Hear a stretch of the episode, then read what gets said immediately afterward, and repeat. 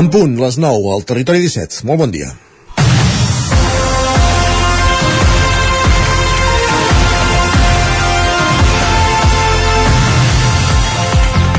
Com a moltes altres, la feina del periodista està, està sovint mitificada pel relat que se'n fa en alguns casos des de la ficció.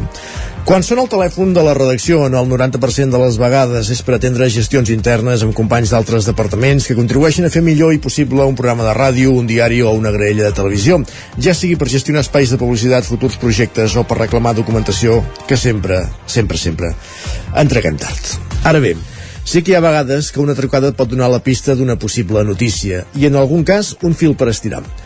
I això és el que ens va passar a principis d'aquest any, quan se'ns va alertar de la situació crítica d'una empresa del sector de la carn de Montesquieu a Osona, Carn i Casausa.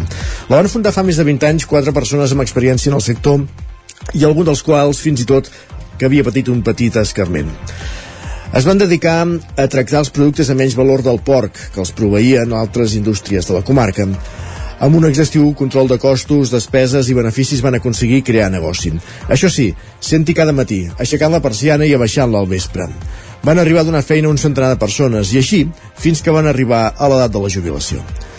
Aleshores, algunes de les empreses del sector amb les que treballaven, proveïdors i algun inversor es van quedar a la companyia. A nivell de negoci ja no era tan interessant perquè una cosa els diferenciava dels anteriors propietaris. No eren de ser-hi cada dia, des d'obrir fins a tancar, i van optar per buscar noves vies de negoci que d'entrada feien incrementar la facturació, però no necessàriament el rendiment. I al cap de 4 anys, i algun problema de salut pel mig, l'empresa tornava a estar al mercat.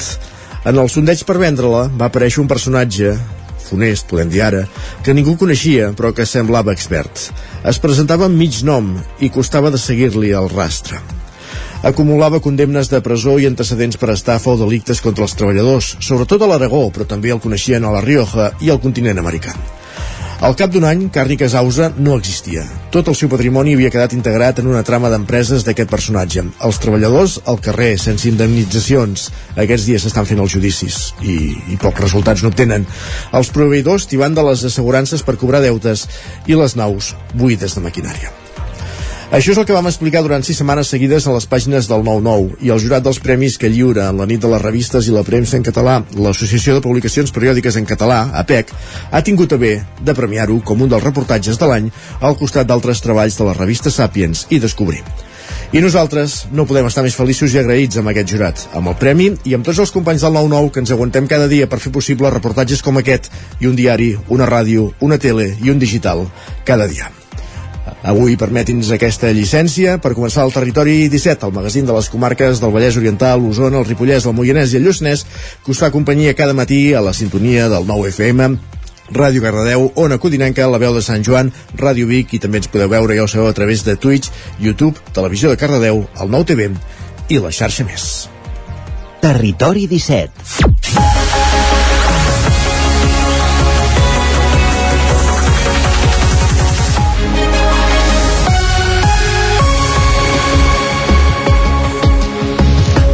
3 minuts i mig que passen de les 9 del matí en el moment de començar el Territori 17. Ja ho veuen, dia d'autobombo avui a les ràdios, els uns parlants dels EGMs, els altres recollint premis.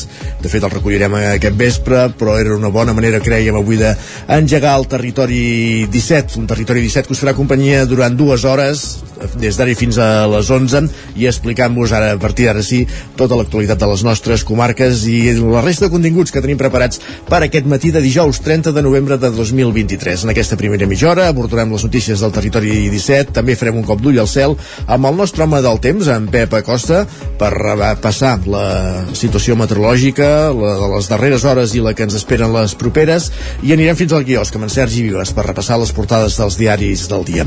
A partir de dos quarts de deu, pugem al tren a la Trenc d'Alba, com cada dia amb l'Isaac Muntades, recollint les cròniques dels oferts usuaris de la línia de tren Barcelona-Granollers-Vic, Ripoll, Puigcerdà, sí, aquella que està tallada per les obres de desdoblament però que hi ha un servei alternatiu que funciona com funciona i de tot això anem recollint cròniques cada dia.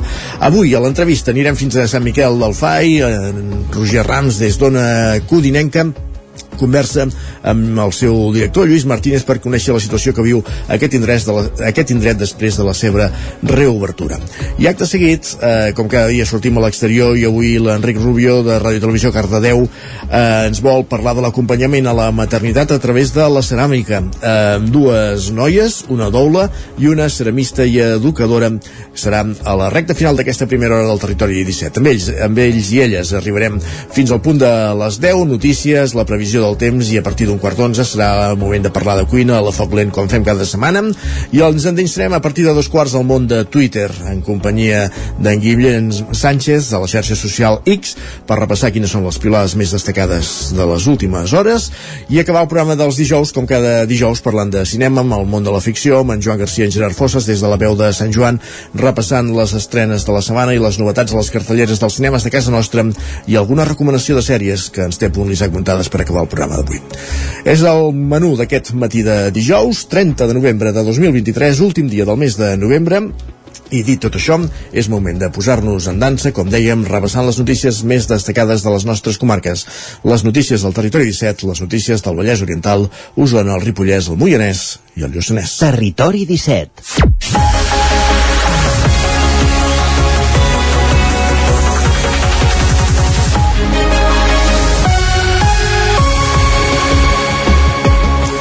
Manlleu vol tenir la comissaria de la policia local acabada abans que acabi l'any 2024. La seva construcció pujarà gairebé 2 milions d'euros. Sergi Vives, al 9FM. No volen aventurar-se a dir que serà la gran obra de mandat, però sí que tenen clar que juntament amb les obres del polígon del Mas serà la gran obra del 2024 i es projectarà el solar ubicat a la Cruïlla entre l'Avinguda Puigmal i el carrer Serrallo. Es tracta de la nova comissaria de la policia local de Manlleu, un equipament que podria obrir portes a finals de l'any vinent. Serà serà quan culminin unes obres que van arrencar el passat mes d'octubre i que han de durar 13 mesos. En total, el cost del nou equipament pujarà gairebé als 2 milions d'euros. S'ubicarà en una zona de Manlleu que en els propers anys ha d'experimentar un canvi substancial, segons l'alcalde Arneu Rovira. Tindrem una comissaria que, que és de primera. Uh, en principi, um, fins on ens van comentar doncs anem bastant bé de passos d'execució. Per tant ha estat una obra que si tot anés bé finals de 24, principis 25 com a molt tard hauria d'estar eh, executada. I per tant doncs, eh, serà un equipament important pel futur de la nostra ciutat. A més a més en l'emplaçament que ens trobem on eh, futurament també tindrem que és la, la ronda que connectarà amb el polígon del, del Pla del Mas. A més a més que també s'acabarà l'Avinguda Puigmal i es connectarà bé amb l'Avinguda Pirineus el nou edifici constarà d'una planta soterrada que acollirà els vestidors i l'armer i de la planta principal a peu de carrer amb una zona d'atenció als veïns i veïnes, espais per prendre dades de denúncies i les sales de custòdia dels detinguts. També un menjador, aules de formació, els despatxos dels comandaments i l'aparcament. La posada en marxa del nou equipament suposarà un salt qualitatiu per la quarantena d'efectius de la policia local de Manlleu, però també per la ciutadania. Això ho explica Lluïsa Bautista, la primera tinent del alcalde. Quan nosaltres vam entrar a l'àrea de policia, realment les dependències de la policia municipal feien fan, perquè fan llàstima, realment no penso que siguin unes instal·lacions adequades, però ja no unes instal·lacions adequades a lo que seria eh, els treballadors, la policia en si, sinó unes instal·lacions que penso que la ciutadania de Manlleu no, no es mereix. Eh, hi havia poca intimitat quan anaves a presentar les demandes, no teníem lloc per custodiar la gent que havia quedat detinguda, realment era, era bastant precari tot plegat plegat. El terreny del costat on s'està construint aquest nou equipament és on el govern d'Arnau Rovira espera que en un futur pugui construir-se la tan reivindicada comissaria dels Mossos d'Esquadra. Fem un apunt d'última hora d'una notícia que acabem de conèixer que publica el 99.cat eh, citant l'Agència Catalana de Notícies, l'ACN, i és que la Fiscalia demana 23 anys de presó a un entrenador d'atletisme de Vic, que l'any 2008 presumptament va cometre tres delictes d'abús sexual a una menor. L'escrit de Fiscalia, aquest tingut accés l'ACN, destaca que els fets s'haurien produït a les pistes municipals quan fent-se valer de la seva posició d'entrenador de reconegut prestigi i sota el pretext que era convenient per millorar en els entrenaments, li va oferir massatges en una sala soles al costat dels vestidors. Durant els massatges li va fer tocaments, li va practicar sexe oral i també li va demanar que el masturbés. La Fiscalia vol que l'home pagui 15.000 euros d'indemnització i la prohibició d'acostar-se o comunicar-se amb la víctima. El judici se celebrarà el proper dilluns a l'Audiència de Barcelona. Recordem, la Fiscalia demana 23 anys anys de presó per aquest entrenador d'atletisme que hauria comès aquests fets l'any 2008. Notícia que, com dèiem, publica aquesta hora, eh, avança aquesta hora al 99.cat citant l'Agència Catalana de Notícies. Més qüestions. Una família de Vic amb tres menors a càrrec ha estat desnonada. Els fets van tenir lloc ahir al carrer Òmnium Cultural de la ciutat. Tot plegat es va produir després de tres intents, l'últim el 5 d'octubre. La família en situació administrativa no regularitzada i empadronada a Vic, amb tres menors a càrrec, tots escolaritzats a la ciutat, va demanar una pròrroga alegant no tenir lloc on anar, una petició que la comitiva judicial i la procuradora de la, de la Caixa, propietària del pis, van declinar. Després d'uns minuts de negociació poc, poc fructífera, la família va recollir les seves pertinences i va buidar l'immoble. Els últims d'intervenir van ser els serrallers, els encarregats de col·locar una alarma i canviar el pany de l'immoble. Amb la porta del pis tancada i les coses a fora, la família es va adreçar als serveis socials de l'Ajuntament de Vic. Un cop allà, la única opció que se'ls va oferir és tornar al seu país d'origen. En aquest eh, sentit, Núria Oms, regidora de Benestar i Família de l'Ajuntament de Vic, lamentava no tenir recursos per poder actuar amb persones que, com aquesta, no estan regularitzades. Malgrat que la família ho desmentia, Oms assegurava que no aniran al carrer ja que tenen parents a Osona a qui poden recórrer. Tenim molt poc marge de maniobra, una ciutat com Vic, això passa a molts altres llocs, de poder gestionar tota aquesta arribada de persones amb aquesta situació tan, tan precària, no? i a més que van amb infants, perquè no tenim les eines, no tenim els recursos, no els podem fer cap tramitació de res eh, perquè legalment doncs, no, no estan en la situació eh, adequada. Bueno, nosaltres en aquests casos eh, això, o els acompanyem en retorn a país o eh, bueno, podem donar algun recurs pont molt limitat de 3-4 dies perquè tornin a mobilitzar la seva xarxa eh, perquè bueno, en aquest cas doncs, tenen família aquí, en un poble de la comarca Davant d'aquest escenari, OMS demana més recursos davant d'una llei d'estrangeria, ha dit, molt contradictòria. I aquí tenim una llei no? eh, d'estrangeria molt contradictòria en si mateixa, que en els municipis no ens ajuda gens al revés, perquè ens posa el problema, és a dir, no han estat capaços de fer una bona legislació, qui l'hagi de fer, i ens posa el problema als municipis, perquè nosaltres tenim les persones, tenim la, la, el drama, diguéssim, humà, no? en aquest sentit, i hem d'intentar mediar amb tot això sense els recursos per poder-ho fer. Finalment, des de l'APA asseguren que el consistori biguetà ha fallat en el procés i que, malgrat la situació irregular de la família, hauria pogut redactar un informe social d'exclusió residencial, un document que hauria permès a la família defensar-se davant del jutjat i la Caixa demostrant la seva situació de vulnerabilitat i entrar en un procés d'intermediació al que obliga la llei estatal d'habitatge. Més qüestions, encara a Osona, dos detinguts a Roda de Ter en un ampli dispositiu policial de Mossos d'Esquadra, Guàrdia Civil i els vigilants municipals, Sergi.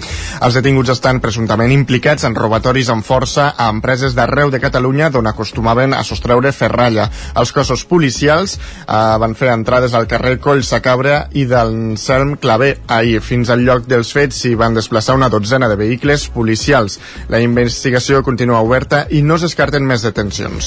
Anem cap al Ripollès perquè hi ha hagut polèmica al ple de Ripoll per la lectura de dos manifestos per l'eliminació de la violència vers les dones. Isaac Muntades, la veu de Sant Joan. Polèmica al ple de l'Ajuntament de Ripoll per la declaració institucional amb motiu del 25 de novembre, el Dia Internacional per a l'Eliminació de la Violència vers les Dones. L'equip de govern d'Aliança Catalana va fer llegir al secretari el seu propi manifest, mentre que la resta de grups de l'oposició, a través de la regidora d'Esquerra Republicana Chantal Pérez, van demanar llegir el seu, que estava promogut pel Departament d'Igualtat i Feminismes, les quatre quatre diputacions o les entitats municipalistes. El secretari va demanar-los que el llegissin el torn de pregs i preguntes i així van fer-ho. Abans, tota l'oposició va voler fer constar en acte que no estaven d'acord amb el manifest promogut per Aliança, en què consideraven que es vinculaven les agressions masclistes amb la immigració i on deia que es donava més importància al petó no desitjat de l'expresident de la Federació Espanyola de Futbol, Luis Rubiales, a la jugadora Jenny Hermoso. El text deia que el manifest institucional era insuficient i covard. Poc després, el porteu de la CUP, Daniel Vilaseca, va comparar l'alcaldessa Sílvia Oriols amb el protagonista de la novel·la de Robert Louis Stevenson, són Dr. Jekyll i Mr. Hyde perquè fa els temes relacionats amb la Conselleria d'Igualtat i Feminismes. Amb el tema de, contra les violències masclistes i sobretot envers la Conselleria d'Igualtat i Feminismes, vostès tenen una actitud realment, és que no sé com, com qualificar-la, perquè per una banda, vostè amaga el cap sota l'ala per llegir el manifest que han llegit al despatx de Batllia i li ha fet llegir amb el secretari, i per altra banda, vostès demanen 4.900 euros de subvenció a la Conselleria d'Igualtat i Feminismes. Vila Seca va dir-li que mal parlava de la Conselleria i evitava condemnar la violència masclista utilitzant paraules ambigües, però alhora en volia els seus diners. L'alcaldessa va replicar-li que com que els ciutadans de Ripoll pagaven impostos, tenien dret a qualsevol subvenció que atorgués la Generalitat de Catalunya. En canvi, va atacar la consellera Tània Verge. El doctor Jekyll i Mr. Hyde deu ser la pròpia Conselleria de Feminismes, que per un cantó es dedica a reivindicar-se feminista i per l'altre imposa als ajuntaments municipals eh, que les piscines s'hi permeti, per exemple, l'ús del burkini, o permet que nenes de 6, 7 i 8 anys accedeixin a les aules públiques tapades amb un vel islàmic. Per tant, eh, el doctor Jekyll i Mr. Hyde deu ser la, la consellera Tània Verge. L'alcaldessa va afegir que Verge també la volia multar per haver fet unes declaracions a 8TV on condemnava la misogínia islàmica. Vilaseca va fer-li avinent que quan pensava en cultures estrangeres misògines sempre pensava en el col·lectiu musulmà i no en els ciutadans britànics que viuen a Alacant. Després de la lectura del manifest dels grups de l'oposició, l'alcaldessa va llegir de nou el manifest d'Aliança ajuntaments municipals, malament el dia que no ho siguin. Coincidint amb els mesos més freds de l'any, la Diputació de Barcelona posa en marxa un any més la campanya de prevenció d'incendis a la llar dirigida als usuaris del Servei Local de Teleassistència Roger Ram, zona codinenca. Sí, exacte. Aquesta campanya, impulsada en col·laboració amb els bombers de la Generalitat, consisteix en fer una sèrie de trucades a les persones que tenen un major risc de patir incendis a casa seva, ja sigui pels sistemes de calefacció que hi tenen instal·lats, en molts casos antics, o bé perquè ja han patit prèviament un incendi domèstic. En aquestes trucades es donen una sèrie de consells bàsics per evitar incendis i es recorda als usuaris els recursos que tenen al seu abast. Patxi Ribas és la responsable del Servei Local de Teleassistència de la Diputació de Barcelona. Temes de la calefacció, el tema de separar doncs, les estufes de, de les cortines, el tema de vigilar amb els bracers, eh, el tema de les, dels endolls i les regletes, bueno, una sèrie de campanyes que fins i tot les tenim com estructurades segons el mes. Ara fem la general de prevenció d'incendis durant tot la tardor i hivern i fins i tot al, al Nadal fem un especial esforç que diríem és com una subcampanya diguéssim de Nadal més reforçada a l'àmbit d'endols perquè es col·loquen moltes llums a les cases, etc. No? Segons les darreres xifres, en tota la província de Barcelona, actualment hi ha 106.000 persones usuàries d'aquest servei, més de 9.000 al Vallès Oriental i 395 al Moianès. A banda de les trucades, des de la Diputació s'instal·len sistemes de detecció de foc i fum per les persones que tenen un major risc de patir incendis. Aquesta campanya que fem amb els bombers no només és una campanya de trucades. Nosaltres la complementem amb dispositius de seguretat que les persones tenen instal·lats a les seves llars Actualment, aproximadament, eh, una quarta part de les persones usuàries del servei, més o menys, té instal·lat un dispositiu de seguretat a la seva llar, que coincideix, en molts casos, amb aquestes persones en les quals es fa el reforç de la campanya. Fins aquest mes de setembre, a les nostres comarques, el Vallès Oriental i el Moianès, s'hi han instal·lat 2.300 dispositius al Vallès i 54 al Moianès.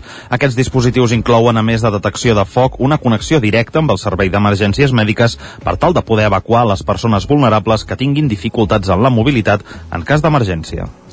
I encara al Vallès Oriental, o més concretament al Baix Montseny, Sant Celoni aprova una proposta de protocol per regular l'ús de mòbils entre els menors dels instituts del Baix Montseny. Enric Rubio, Ràdio Televisió Cardedeu.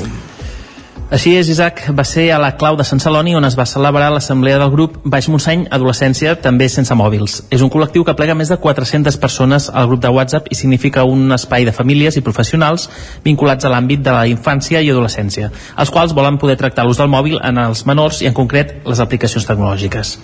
De la trobada en qüestió es va aprovar un document al qual volen fer arribar als instituts del Baix Montseny. Es tracta d'un protocol on es regula l'ús d'aquests dispositius, una proposta en definitiva per tal que les direccions del centre ho tinguin en compte a l'hora d'establir un reglament d'ús intern. Comenten que no tots els centres tenen les mateixes formes d'actuar, ja que el Departament d'Educació encara no s'ha posicionat en la prohibició de l'ús dels mòbils i que, ara per ara, aquest simplement ha demanat que de cara al curs vinent en tinguin regulat el seu ús. I això és quelcom que només el 53% dels centres del país tenen actualment vigent. Des del col·lectiu s'afirma que l'ús dels mòbils i les apps als centres educatius no genera cap benefici, mentre que sí comporta conflictes dins i fora les aules. I és per aquesta raó principal que en volen prohibir el seu ús durant l'horari lectiu.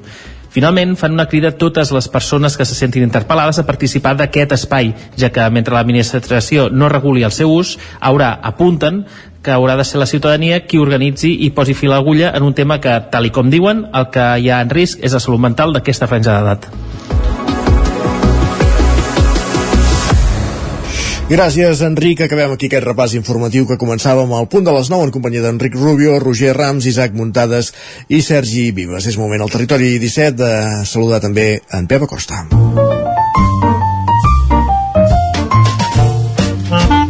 Casa Terradellos us ofereix el temps. I ell és el nostre home del temps. L'anem a pescar una codinenca. Pep, benvingut, bon dia. Molt bon dia. Com estàs? Avui ja últim dia de novembre. del mes de novembre. Molt bé, ho encertat, les eh? portes del desembre, a les portes ja eh, d'aquest pont de Constitució eh, i a les portes, a les portes del Nadal, eh? Ja ho tenim eh, eh, tot aquí, ho tenim a tocar i també tenim a tocar ja final d'any també veurem eh, veurem les dades finalment d'aquest 2023 ben aviat eh, un any molt càlid un any molt sec però encara falta un mes per totes les dades definitives però ja es preveu això, eh? un mes eh, molt càlid un, ah, perdó, un any molt càlid i molt sec, dels més càlids i més secs que es recorden sense cap mena de dubtes.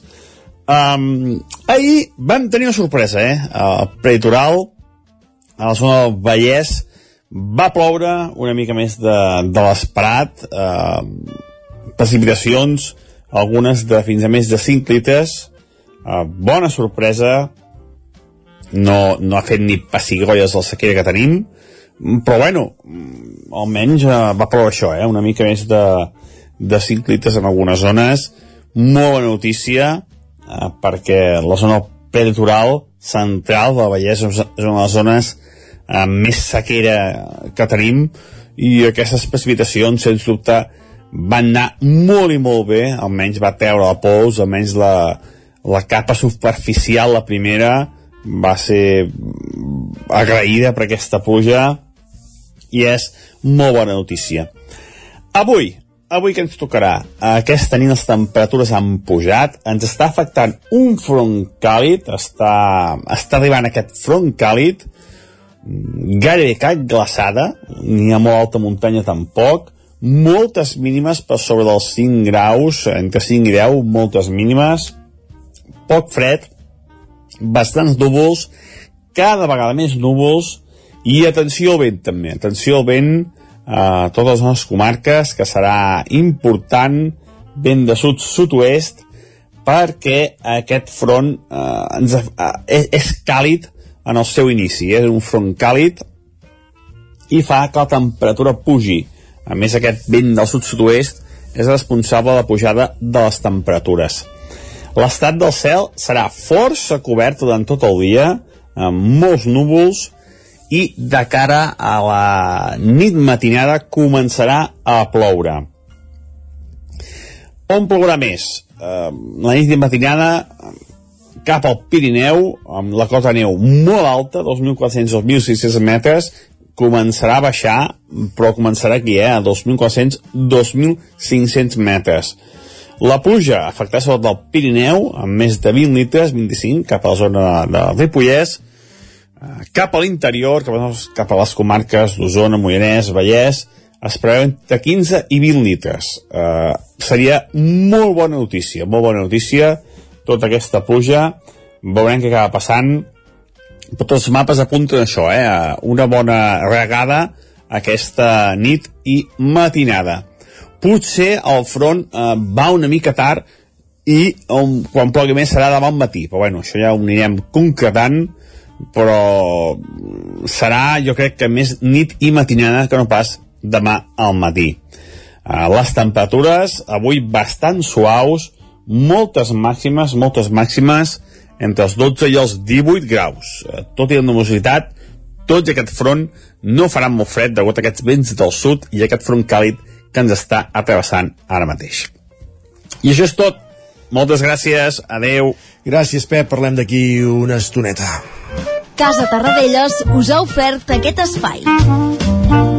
6 minuts perquè siguin dos quarts de 10 anem cap al quiosc.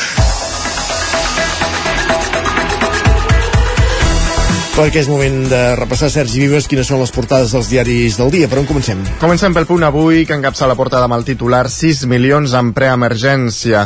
Uh, diuen que 202 municipis barcelonins i gironins comencen a patir la limitació de 210 litres d'aigua per dia i habitant. Expliquen que el president aragonès avisa que veu a prop la necessitat de garantir el subministrament amb vaixells si no plou. El periòdico diu que la cimera de Dubai aspira a superar els èxits de París. Expliquen que el conclave de la meca del petroli persegueix frenar els combustibles fòssils i reduir l'emissió de gasos. Diuen que l'objectiu és arribar a un pacte climàtic de veritat.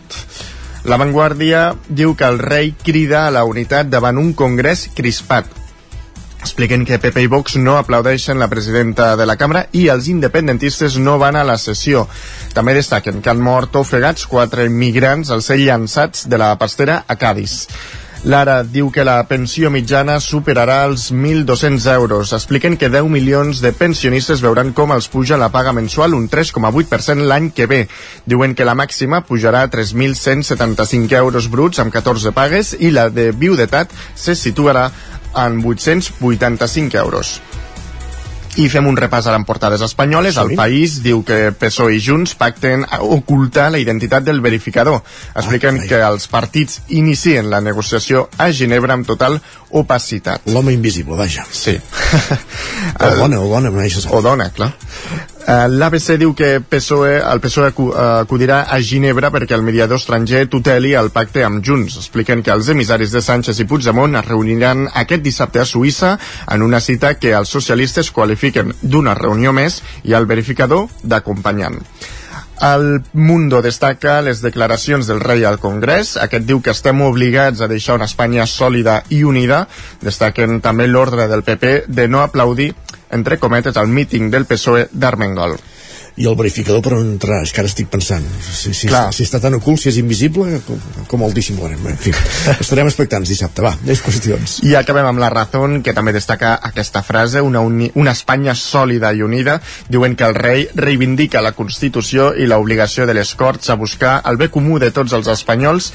També hi diuen que ha ofert una lliçó de neutralitat. Oh, i tant ja la coneixem, Com és el rei, la, la, la coneixem la seva neutralitat. Uh, més qüestions, repassem digitals l'edició del 99.cat d'Osona i el Ripollès. Doncs, com us hem explicat, que han desnonat una família amb tres menors a càrrec a Vic. I a l'edició del Vallès Oriental. Doncs que Mollet obligarà a diluir amb aigua els orins dels gossos als carrers. Tot això eh, ja us ho hem explicat, ara pausa i tornem amb més coses. Fins ara mateix. El nou FM, la ràdio de casa, al 92.8. Quan tingui un problema amb la seva caldera, vagi directament a la solució. Truqui sempre al servei tècnic oficial de Saunier Duval i despreocupis, perquè som fabricants i coneixem les nostres calderes peça a peça. I ara aconseguiu fins a 300 euros en canviar la caldera. Informeu-vos al 910 77 10 50 o a saunierduval.es. Situat en un entorn immillorable, envoltat de natura, a l'hostal restaurant La Guineu tenim la brasa encesa tot el dia per esmorzar, dinar o sopar a la fresca. Ja tenim a punt les opcions de menús d'empresa i per les festes de Nadal, Sant Esteve o Cap d'Any. Estem especialitzats en opcions vegetarianes. Hostal La Guineu. Ens trobareu a l'urbanització Les Guilleries de Viladrau. Obrim tots els dies. Amb Pradell estalvio energia i cuido la meva butxaca i el medi ambient. Posa't en mans de Pradell. Són experts en calderes de gas de condensació, estufes de pèl·let, energia solar, terres radiants i aerotèrmia. Pradell instal·la aires condicionats amb bombes de calor per a particulars i empreses. Si vols estalviar un 50% en consum, contacta amb Pradell i passa't a les energies renovables. Pradell. Som a l'Avinguda dels Països Catalans 27 de Vic. Telèfon 93 885 1197. Pradell.cat M'encanta regalar llibres de la llibreria Mater. Tenen novel·les que et fan viatjar a mons desconeguts, poesia que et fa sentir cada paraula, assaig que et fan reflexionar i contes infantils que fan volar la imaginació dels més petits. M'agrada regalar agendes, quaderns, bolígrafs i calendaris de la llibreria Mater. Si busques un regal original, no busquis més. Tenen una àmplia selecció de regals de papereria que segur que els encantarà. Llibreria i papereria Mater, seleccionant el que farà feliç als teus des de 1957. Pla de Balanyà 23 de Vic. Per moure't, lloga un cotxe ALR. Per moure la família, lloga un minibús ALR. Per moure coses, lloga una furgoneta ALR. Per moure la casa, lloga un camió ALR. Lloguer de cotxes, furgonetes i camions ALR. Ens trobaràs al carrer Francesc Sant Climent 83 de Vic i també a Olot i Manresa. Informa't en el 93 888 60 57 o bé consulta el web alr.cat. Cocodril Club.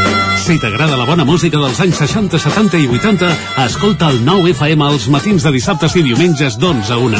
És el temps del Cocodril Club, tot un clàssic de la ràdio, amb les bases del pop-rock, les llegendes, les cançons que s'han convertit en autèntics himnes. Recorda, dissabtes i diumenges al matí, d'11 a 1, al 9 FM 92.8. Cocodril Club, el programa revival de l'Albert Malla. Hasta luego, cocodrilo.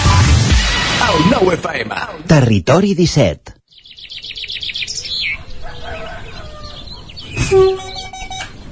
A Tren d'Alba. Cada dia els usuaris i usuàries de la línia R3 de Rodalies que veuen sortir el sol des d'un vagó ens expliquen les gràcies i les penes del primer comboi que uneix Ripoll i Barcelona o les feixugues jornades amb el tren després de treballar. Benvinguts a Tren d'Alba. A veure si ho encerteu. Avui no ha estat un bon dia a Rodalies. L'usuari Gori Massip ha explicat que avui han estat un quart d'hora aturats dins d'un túnel entre Sitges i el Garraf. Més 7 minuts més a l'entrada de Bellvitge, més minuts perduts a velocitat de creuer. En total, un trajecte que es fa en menys de 3 quarts d'hora se'ls ha allargat fins a l'hora i 10 minuts. Un altre usuari deia que si agafava el tren de Puigcerdà fliparia i en Gori Massip li ha contestat que ja ho ha fet molts cops i la seva experiència es resumeix en despreniments, pluja, neu, un arbre a la via, l'atropellament d'una vaca, un gos a la via, el no vull pagar, un incendi... Ara diu que s'hi sumen les obres i que un dia per una incidència els van fer baixar a Vic i va acabar amb un Sívia fins a Ribes. D'això deia que en feia uns 4 o 5 anys. Crec que qui faci un llibre de tots els desastres que han passat a Rodalies al llarg dels últims anys o d'un període indeterminat, és igual, es faria d'or i guanyaria el premi al millor llibre de comèdia o de tragèdia, segons ens miri. Va, en retrobem dilluns amb més històries del tren i de la R3. Territori 17. Un minut i mig que passen de dos quarts de 10 del matí, temps per l'entrevista al Territori 17.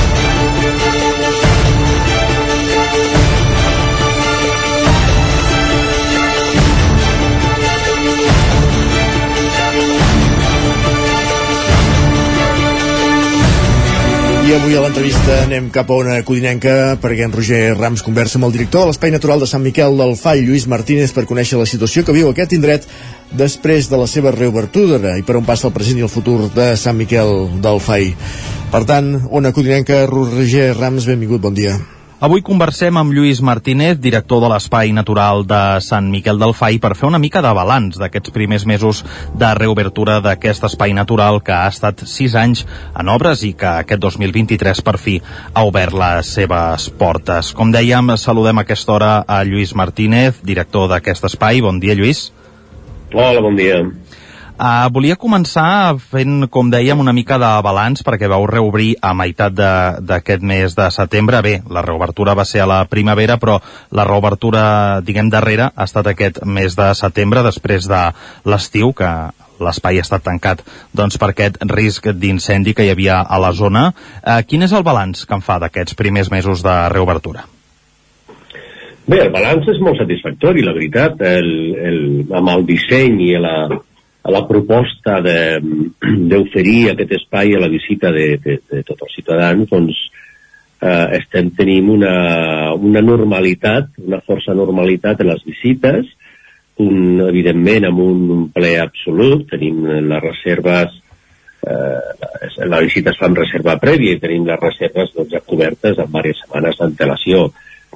Um, en general, la, la satisfacció de, del visitant en general és elevada, eh, perquè tenim, tenim avaluació de, de, de, de l'índex de satisfacció a través d'unes enquestes que fem a la sortida de, de la visita. I en general doncs, hi ha una satisfacció força, força elevada. Mm. De seguida parlarem d'aquest sistema de reserves prèvies que s'ha implantat amb aquesta reobertura abans, però et volia preguntar si amb els canvis de govern que hi ha hagut, eh, per exemple, a la Diputació i també els canvis que s'han fet eh, amb el respecte al Pla Alfa, que ara, si no m'equivoco, permet obrir en fase 2, no com passava fins ara. Eh, heu aconseguit, diguem, una certa estabilitat eh, d'obertura? Bueno, la, el que, el que hem anat fent és eh, anar caminant per, per buscar un màxim de normalitat. Mm? Hem revisat, eh, o s'ha fet, s'ha revisat el pla d'emergències, eh, arrel de les darreres actuacions i millores que s'han fet també, s'ha pogut eh, fer actualitzacions del pla d'emergència a partir de, del nostre pla de, d'activitat que tenim i, i és això, el que comentaves, que amb un nivell 2 del pla alfa doncs, eh, mantindrem l'espai obert al visitant. Eh? Amb un nivell 3, amb risc de, de tempestes o de despreniments per aiguats eh, intensos, etc continua igual, com a mesura de prevenció d'evitar d'evitar riscos, no? doncs eh, tancarem eh, quan sigui necessari, però sí que hem pogut avançar una mica en cap a la normalitat d'un espai eh, visitable per la gent eh, això és el que bueno, en aquest moment és el que tenim no? de, de, de, de poder oferir mm, més, eh, més seguretat i al visitant i, i més normalitat de la visita Ara parlàvem, Lluís, de, de, tots aquests, de, de totes aquestes restriccions, de tots aquests factors no, que, que han provocat tancades durant l'estiu, que ara sembla que s'han flexibilitzat. Et volia preguntar, de cara a l'hivern, aquests mesos més freds de l'any, eh, quins serien, diguem, les principals, eh, els principals motius de, que podien portar a tancar puntualment a Sant Miquel? Um, els mateixos, és a dir, un, un nivell, nivell 3 del pla alfa el podem tenir a l'hivern, també. Eh?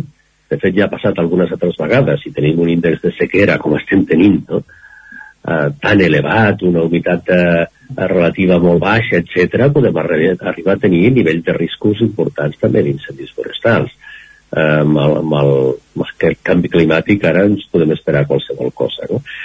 eh, i amb la sequera que estem tenint eh, això no és lo previsible però, però sí que el que es pot donar en qualsevol eh, dia de l'any és que tinguem un, un episodi de pluges intenses que ens facin doncs, que, segons el pla d'emergències, doncs, l'endemà d'aquest episodi de pluges intenses, no, no puguem obrir l'equipament al públic perquè hi ha un risc elevat de, de despreniments no? per l'efecte la, d'aquestes cingleres, aquestes parets que es queden afectades per aquests temporals.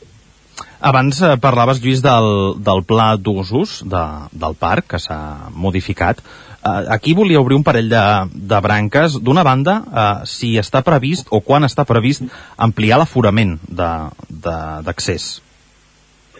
L'aforament L'aforament no, no, no està en l'aforament, l'aforament ja és eh, un aforament adequat, 200 persones eh, per cada torn de visita.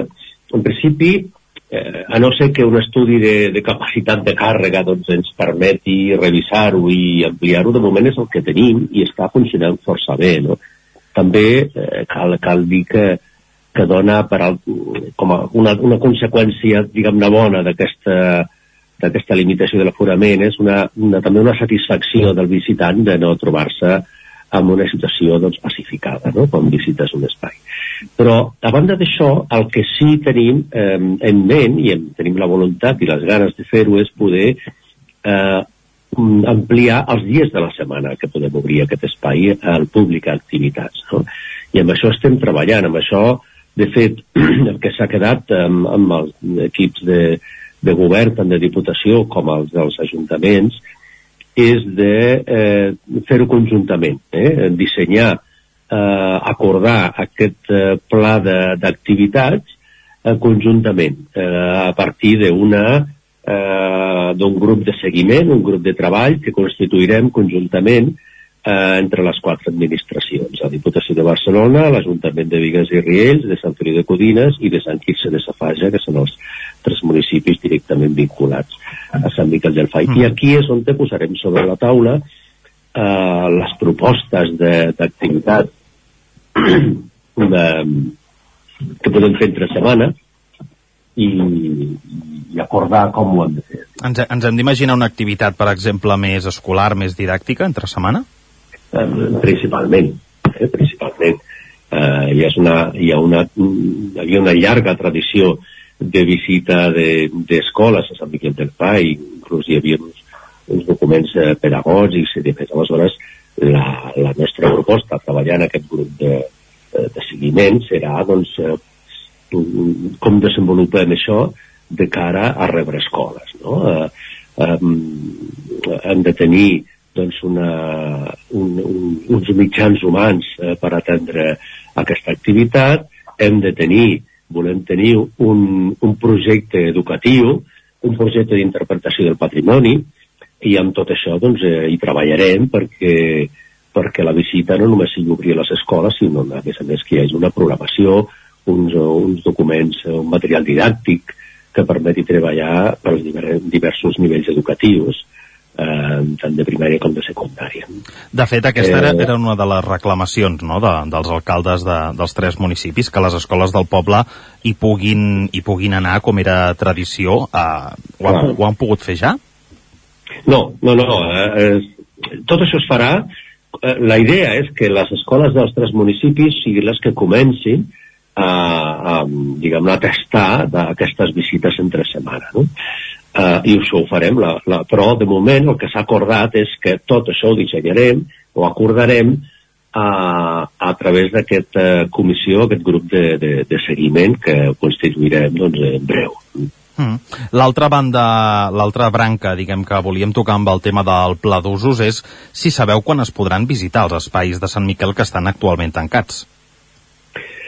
Això és més complicat, eh, perquè estan tancats per seguretat, perquè representen un, un risc eh, elevat per, eh, per a tothom, eh, no només al visitant, sinó fins i tot doncs, la, als nostres eh, operaris, treballadors. I, eh, com sabeu, s'ha fet una inversió molt, molt important en tot el sector que ara es pot visitar, principalment eh, pel que fa a la seguretat, en la consolidació de les, de les parets, de les cingleres, no?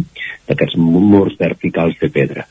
Aquests treballs eh, que s'han fet de, de, de sanejament, de fixació, d'instal·lació de xarxes metàl·liques per evitar caigudes de, de, de pedres, de blocs, eh, és una feina molt, molt costosa de, de fer i molt costosa de, de, de suportar econòmicament. No? Uh -huh. Aleshores, s'està treballant perquè eh, a partir del salt del Tenes fins a l'ermita de Sant Martí eh, tenir el diagnòstic de, de quina és la dimensió de la intervenció que s'ha de fer per garantir la seguretat del visitant, eh, els costos que representen i, i la programació que hauria de...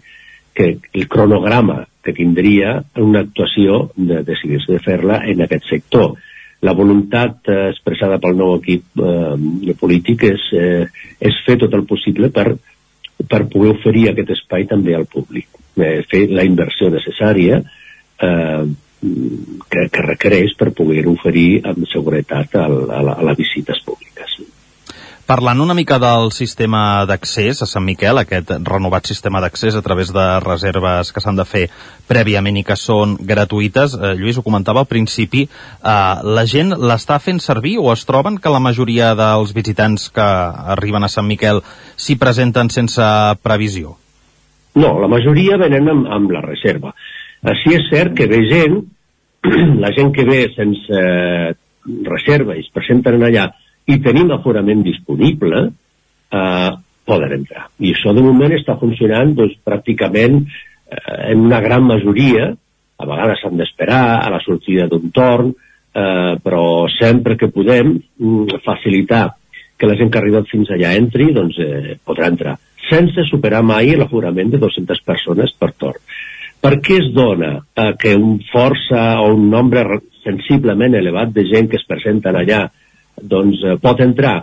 Hi ha dues raons. Una, perquè eh, nosaltres tenim reservades un percentatge de les, de les entrades que no estan disponibles a la web precisament per facilitar l'entrada a gent doncs, que no té les habilitats o les capacitats per fer la reserva via internet. Hi ha gent que, que ens truca per telèfon i ens fa la reserva per telèfon, la gestionem nosaltres, o o gent que es presenten allà perquè bueno, no té coneixements de què d'allò. Aleshores, eh, tenim aquest percentatge amb el que podem, tenim una certa flexibilitat. I després també tenim una altra, eh, una altra raó que, que ens fa que tinguem més aforament disponible del que tenim planificat. I és que hi ha un, també un sensible eh, percentatge de gent que ha fet la reserva que no es presenta. Eh, amb això hi estem treballant, també. Estem eh, treballant perquè el sistema informàtic eh, que tenim, eh, tant de la lectura dels codis QR les barreres com de la reserva prèvia, eh, ens pugui donar coneixement de, no només del nombre de persones que han incomplert aquest compromís, diguem-ne, sinó fins i tot a les dades personals, perquè hi contactarem o li enviarem un correu electrònic eh, exposant el nostre, mm, la nostra preocupació de que això passi, no? Uh -huh. eh, també eh, estem modificant o estem ampliant eh, comunicació a la gent que ha reservat per, per recordatori eh, de la visita i recordatori de que la poden cancel·lar si és que no poden venir. Eh, bé, mm, és, és, un, són, és un tema com altres que, que ens anem trobant conforme estem gestionant tot això. Suposem que al ser la, la visita gratuïta doncs hi ha gent que mm, potser no es preocupa de, tant de cancel·lar la reserva si és que no poden venir i és cert que ens estem trobant un percentatge de gent que, doncs, que incompleix aquest compromís de la reserva. Per, però per això, per això com que tenim la informació eh, al moment de l'aforament real que tenim a dintre de, del recinte, podem gestionar eh, la gent que es presenta sense reserva i si poden i si hi ha capacitat de ser-la entrar. No? Serien aquestes dues raons les que fan que hi ha un cert percentatge mm, notable de gent que es presenten allà i que poden entrar a fer la visita. Mm -hmm. I seguim parlant de, de visitants, de persones que s'apropen a Sant Miquel del Fai. Està clar que aquest espai és un gran atractiu que porta desenes de visitants, com ara apuntava, els caps de setmana, i molts d'ells acaben de passar aquesta jornada per exemple, a Sant Feliu, a Vigues, a Riells, a Sant Quirze Safaja. Des del parc es proporciona algun tipus d'informació als visitants sobre l'oferta dels municipis de la vora, pel que fa a activitats gastronòmiques? Bueno, la gent que se'ns adreça, que se'ns adreça i ens eh, demana informació, doncs eh, se li dona la informació genèrica, evidentment, no podem eh, destacar uns, uns llocs, eh, sobretot quan són entitats eh, o llocs privats, no? restaurants o de més, no podem destacar uns per sobre els altres, evidentment. Doncs donem una informació que la gent que ens demana directament doncs, i tenim a l'abast. No? Eh, això a través també d'aquest grup de treball anirem millorant i anirem, eh, tenim la voluntat de, de disposar de tots els elements o tota la informació de caràcter turístic que tenen els municipis també a l'abast de la gent. Um, però bueno, cada vegada és cert que fins i tot la nostra informació també volem restringir o evitar al màxim la difusió de material imprès. No? Doncs molt bé, moltíssimes gràcies. Hem conversat amb Lluís Martínez, director de l'Espai Natural de Sant Miquel del Fai, sobre aquesta reobertura que ara sí sembla més definitiva i sobre quina és la situació d'aquest espai natural, ara que, com diem, està obert al públic. Senyor Lluís Martínez, moltes gràcies per passar pels micròfons d'Ona Codinenca. Gràcies a vosaltres. Bon dia. Territori 17 12 minuts perquè siguin les 10, anem ara cap a Cardedeu.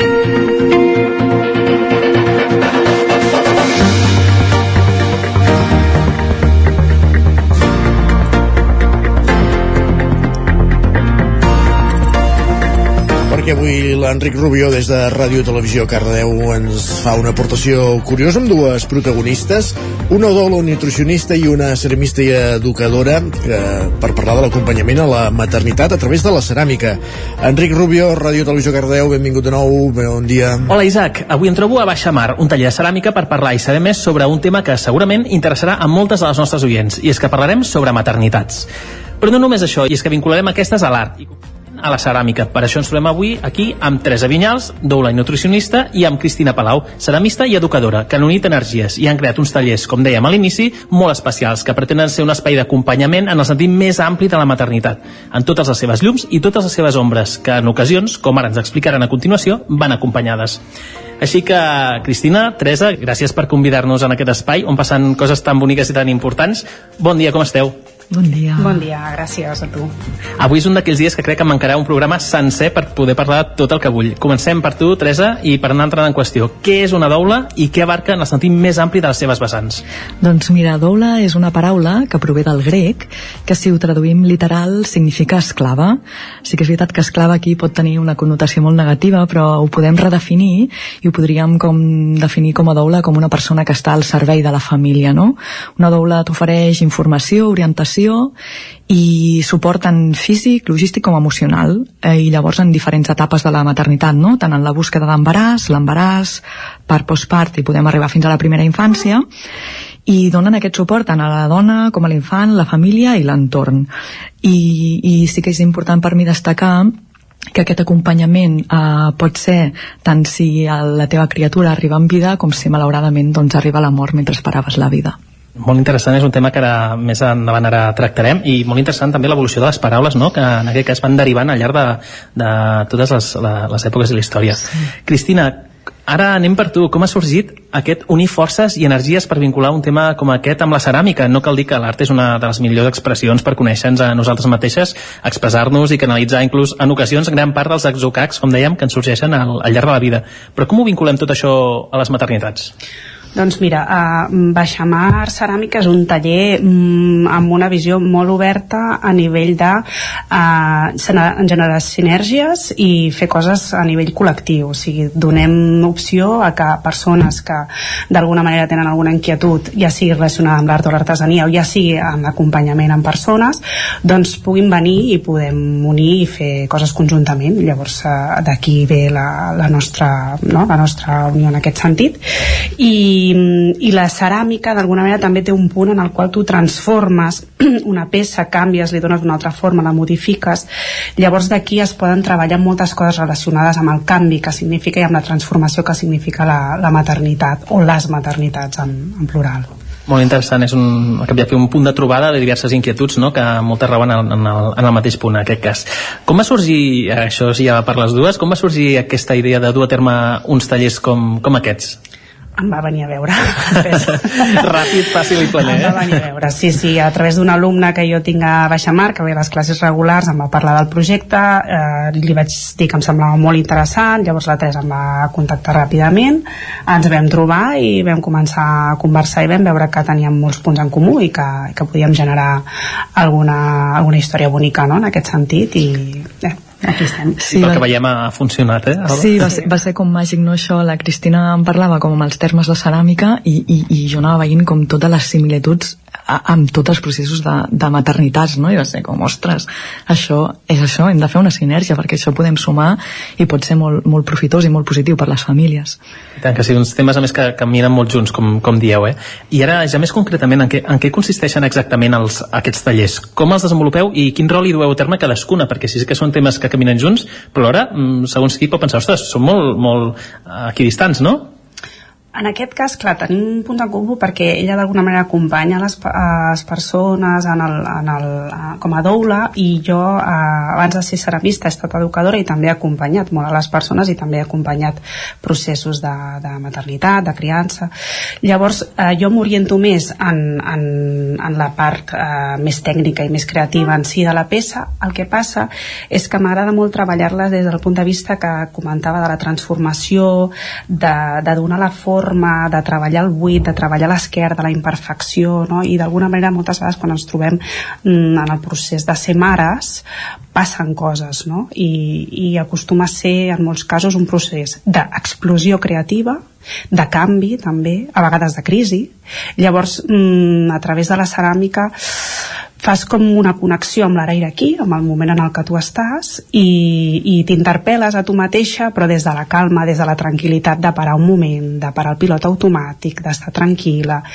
I, i també facilitem o la idea és facilitar l'espai perquè els nadons hi puguin estar i, i tu puguis eh, tenir aquest espai per tu Ara se m'acut amb això que comentàveu, que eh, estem vivint precisament un, un, un boom, mm, no sé si es pot dir així, d'una mm, font d'informació enorme a nivell de xarxes socials de maternitats de que mm, pot fer que molta gent es senti culpable de com ho du a terme ella i, i que tothom, bueno, és molt dogmàtic, no? podríem dir-ho, per dir-ho amb una paraula, i un punt així de, de recolliment, però alhora de, de sociabilització amb, amb persones iguals que estan passant per, per, per el mateix, pot ser molt important a l'hora d'obrir-se i veure de, ostres, doncs potser no ho estic fent de malament, no? Potser som tots humans i Clar, el fet de convertir, uh, de compartir aquests espais i més uh, uh, això, no? com amb aquesta cura i amb aquesta uh, amb aquest amor que ho fa la Cristina ens dona també peu a, a poder-nos obrir i expressar també totes les sombres no? les maternitats tenen aquesta cosa de tenir com tots els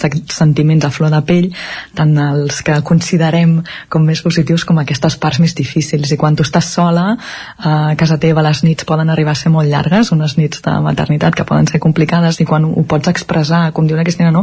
estàs fent com aquesta ceràmica i, i, i, connectes amb tu i et surt com aquesta cosa d'expressar-ho i, i veus doncs, que la del teu costat, ostres, també li passa, ostres, també, i això et fa rebaixar aquest punt de culpa, de culpa que podem arribar a tenir com per, per voler mirallar-nos en aquesta maternitat que es considera perfecta o que ens venen a vegades.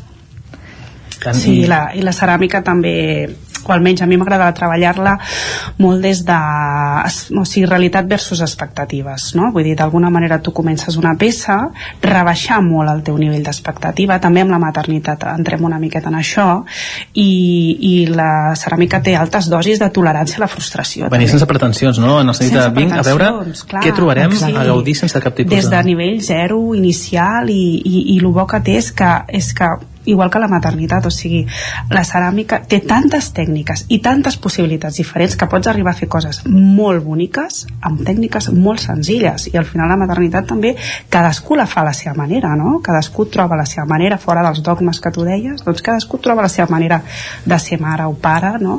Uh, i, I totes estan bé. Que a nivell artístic, eh, amb aquesta varietat de, de disciplines, no? que cadascú pugui trobar amb la que ser més còmode en aquest cas també. Sí. Exacte. Què li diríeu a la, a la gent que té, que té dubtes, per exemple, de, de compartir amb companyes que estan passant o han passat per un tema mm, tan complex, mm, deixeu-me dir-ho així, per, com un dol perinatal.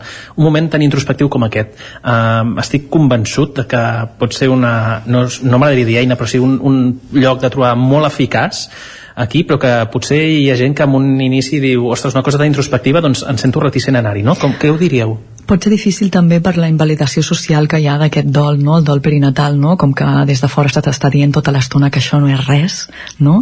i pot ser difícil que, que, que tu mateix arribis a validar-te. Quan arribes en un espai així i trobes altres famílies que han transitat el mateix, eh, pots arribar també a sentir aquest amor col·lectiu que pot ser molt curatiu. No? I, I seguim parlant de lo mateix, al igual que podem compartir sombres, a mi m'agradaria també llançar un missatge d'esperança, no? que dintre de les maternitats en dol també hi ha aquestes esquerdes de les que parla la Cristina per on cola molt d'amor i molta llum tant estic convençut, segur, segur, eh, no en cal ni, ni veure que molta gent de la que ens està escoltant s'està sentint reflexada i pensant, ostres, si jo en aquest punt de la meva vida que potser m'ha costat de, de, de passar, hagués tingut un espai com aquest, no? Um, per poder parlar amb, amb, amb companyes sobre aquest tema.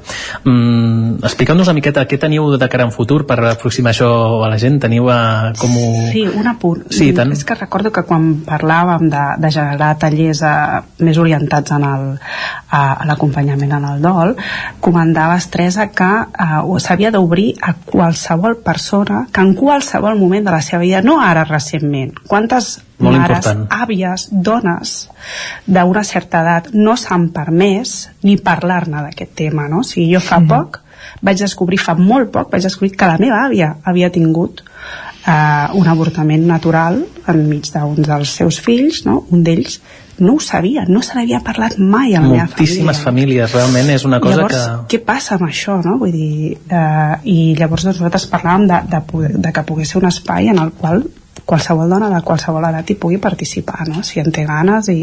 M'atreviria a dir que no, no, no és el temps que ho cura, sinó la gestió d'aquest mateix el que, el que ho fa superar amb unes certes... I, i que al final tampoc, eh, perdona que et corregeixi, no, No, no, no busquem curar, no? Busquem poder-ho transitar amb tot l'amor del món i, I al tant. final eh, aniràs col·locant el dol de diferents maneres amb el temps, eh, però no esperem que, que, que no és una cosa que necessiti curar-se, Molt bon necessita, apunt, correcte. Sí, eh, sí, sí. acompanyar-se amb amor. I tant. És per això, no? És, a més, és un tema molt, molt, no diré desconegut, però sí, com dèiem, invisibilitzat, i és molt important que persones com vosaltres, crec que mm, no vull fer el terme ara aquest típic de posar llum a, no, a la funció, però sí, sí que és molt important que ho pugueu visibilitzar perquè mm, són moltes les persones desconeixedores d'això. I d'ara aquest properament, no? a, mig, a curt, mig termini, com ho, com ho aproximareu a la població? Esteu presents a, a alguns llocs? Com ho fareu? Sí, mira, nosaltres de moment ens estem plantejant eh, eh, obrir, diguéssim, la, la Teresa està plantejant obrir aquest grup que ja, de, de fet ja està treballant en l'acompanyament com a doula de la maternitat, però ens hem plantejat fer una sessió orientada a introduir-hi la ceràmica també el 4 de març, encara falten uns mesos, però bueno, és una cosa que, que s'ha d'anar preparant, no? per, si, per si la gent es volen apuntar, i, i serà un grup de suport doncs, a, aquesta, a aquesta fase de, de postpart, més immediat, diguéssim, en el qual eh, a l'espai d'aquí de, del taller habilitarem una zona a la qual hi puguin estar els nadons eh, doncs amb les seves joguines i amb un espai segur i de, mentrestant les mares puguin fer amb més o menys tranquil·litat la que ens permetin els infants doncs, aquest taller, però com que hi som les dues d'alguna manera per acompanyar-ho doncs creiem que, que pot funcionar molt bé amb un espai així, sí. com no havia d'haver-hi una conciliació, no? si no absolutament, estaria començant la casa per la taulada sí, sí. com us deia, ens caldria un programa o dos per poder parlar tot el que voldríem uh, Cristina, Teresa, amb moltes gràcies Teresa, tens un petit apunt? Sí. Res, i només recordar-vos que estic fent acompanyament a la maternitat a l'espai de Pianíssim, que és el carrer Montseny 10 que podeu trobar grups de postpart, embaràs i dol en diferents horaris i que el podeu consultar a les meves xarxes de Llum de Doula. Moltes gràcies. Doncs deixem a, a això anotat aquí per tots els nostres oients. Gràcies per tot, esperem veure-us properament. A vosaltres, gràcies, moltes gràcies. Un minut i mig que passen de les 10 del matí. Territori 17.